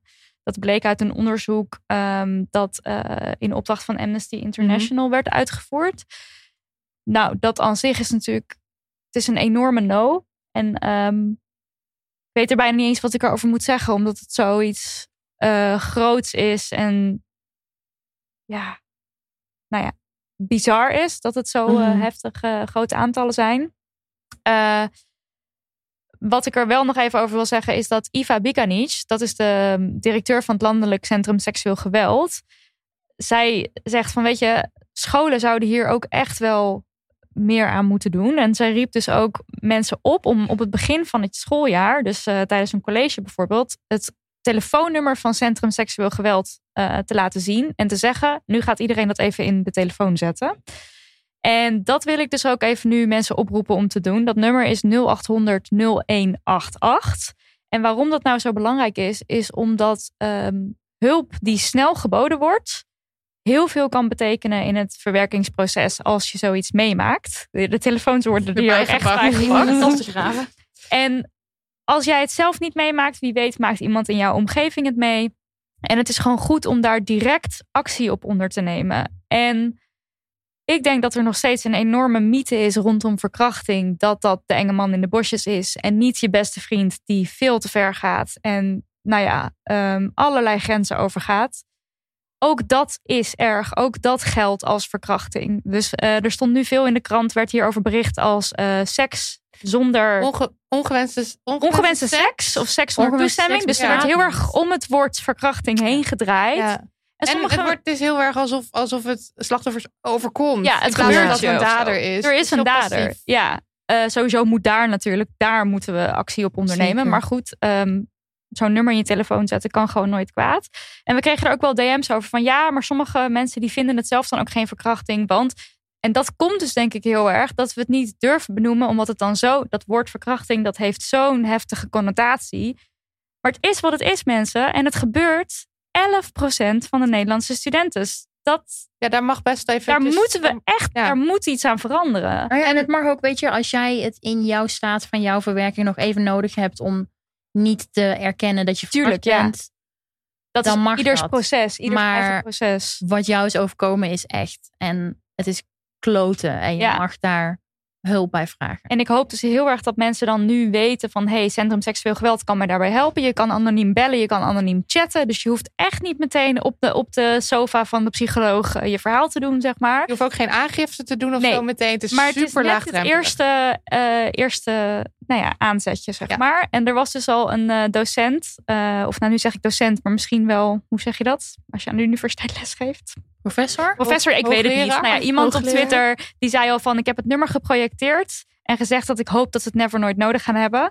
En daarna college big data gegeven. En dat er was dus doodstilte op dat moment. Maar hoe goed hè, dat mensen heel Ja. even zo van, dit Ja. is wat er aan de hand is. Ik geef het jullie mee.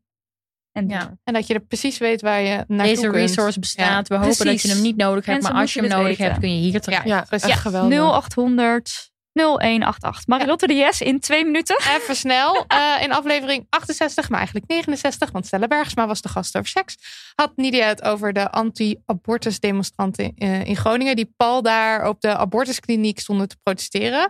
Naar aanleiding van een actie van Minka Haveman, die de burgemeester van Groningen aansprak op deze godspe, eh, is er een, eh, ja, nee, er is een actie opgestart. Mensen hebben massaal gemaild Ook veel honingballen. veel honingballen hebben gemaild eh, naar de burgemeester van Groningen om te zeggen: dit kan echt niet dat die demonstranten hier zo pal voor deze kliniek staan te protesteren.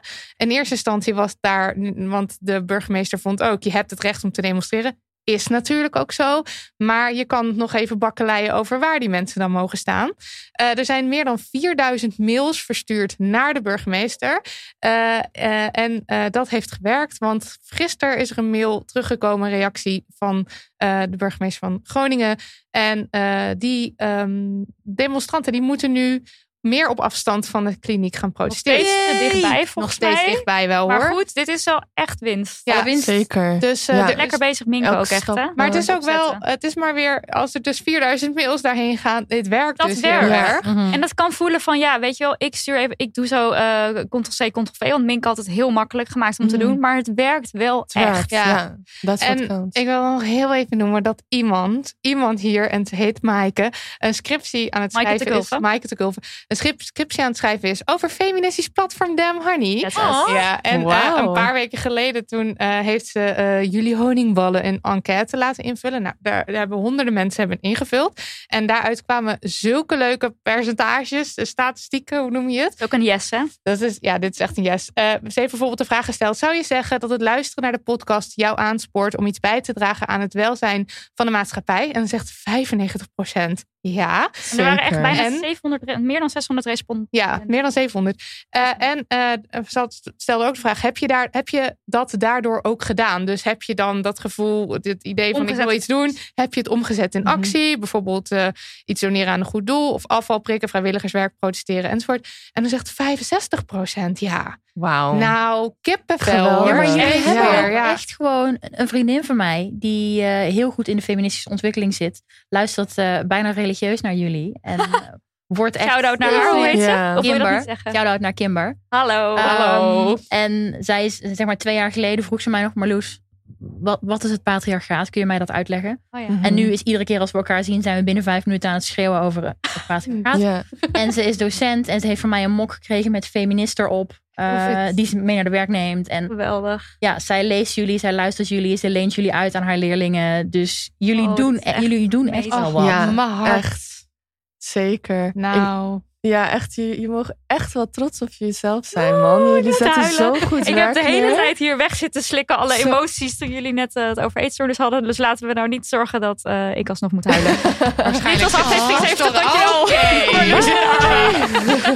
Nee, echt heel erg ja. bedankt voor jullie komst. Ik vond het echt een heel mooi gesprek. En Ik vond het ook echt heel Nou, leuk. het Nou, was eigenlijk voorbij, nog want heel ik keek net verder op de, op de klok en toen was het opeens een uur verder. Ja. En toen dacht ik, huh? hoe is dit gebeurd? Ja, precies. Ja, dat gevoel heb ik ook. Maar jee. Jee. Jullie wel, Oké. dank jullie wel. Of it. Eh, Daniel, Lucas, Lisbeth, bedankt voor jullie bestaan. Ja, en iedereen die luisterde, bedankt voor het intunen. Uh, mocht je met een brandende levensvraag zitten, stuur ons post. En doe dat, please, niet in onze DM, maar naar de mail info.damhoney.nl. En je zuurverdiende centen die kun je gewoon kwijt op petje.af slash damhoney.nl. En als je dat maandelijks doet, doneren, dan krijg je toegang tot exclusieve bonuscontent. Maar lekker blijven freeloaden mag natuurlijk. Ja, gewoon lekker gratis luisteren. Ja, helemaal goed. Love you. Doei. Love you.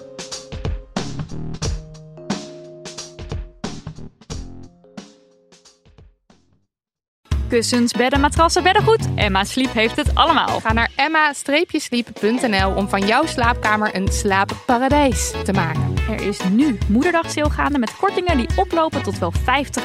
Gebruik de code DAMHONEY voor nog eens 10% korting daarbovenop.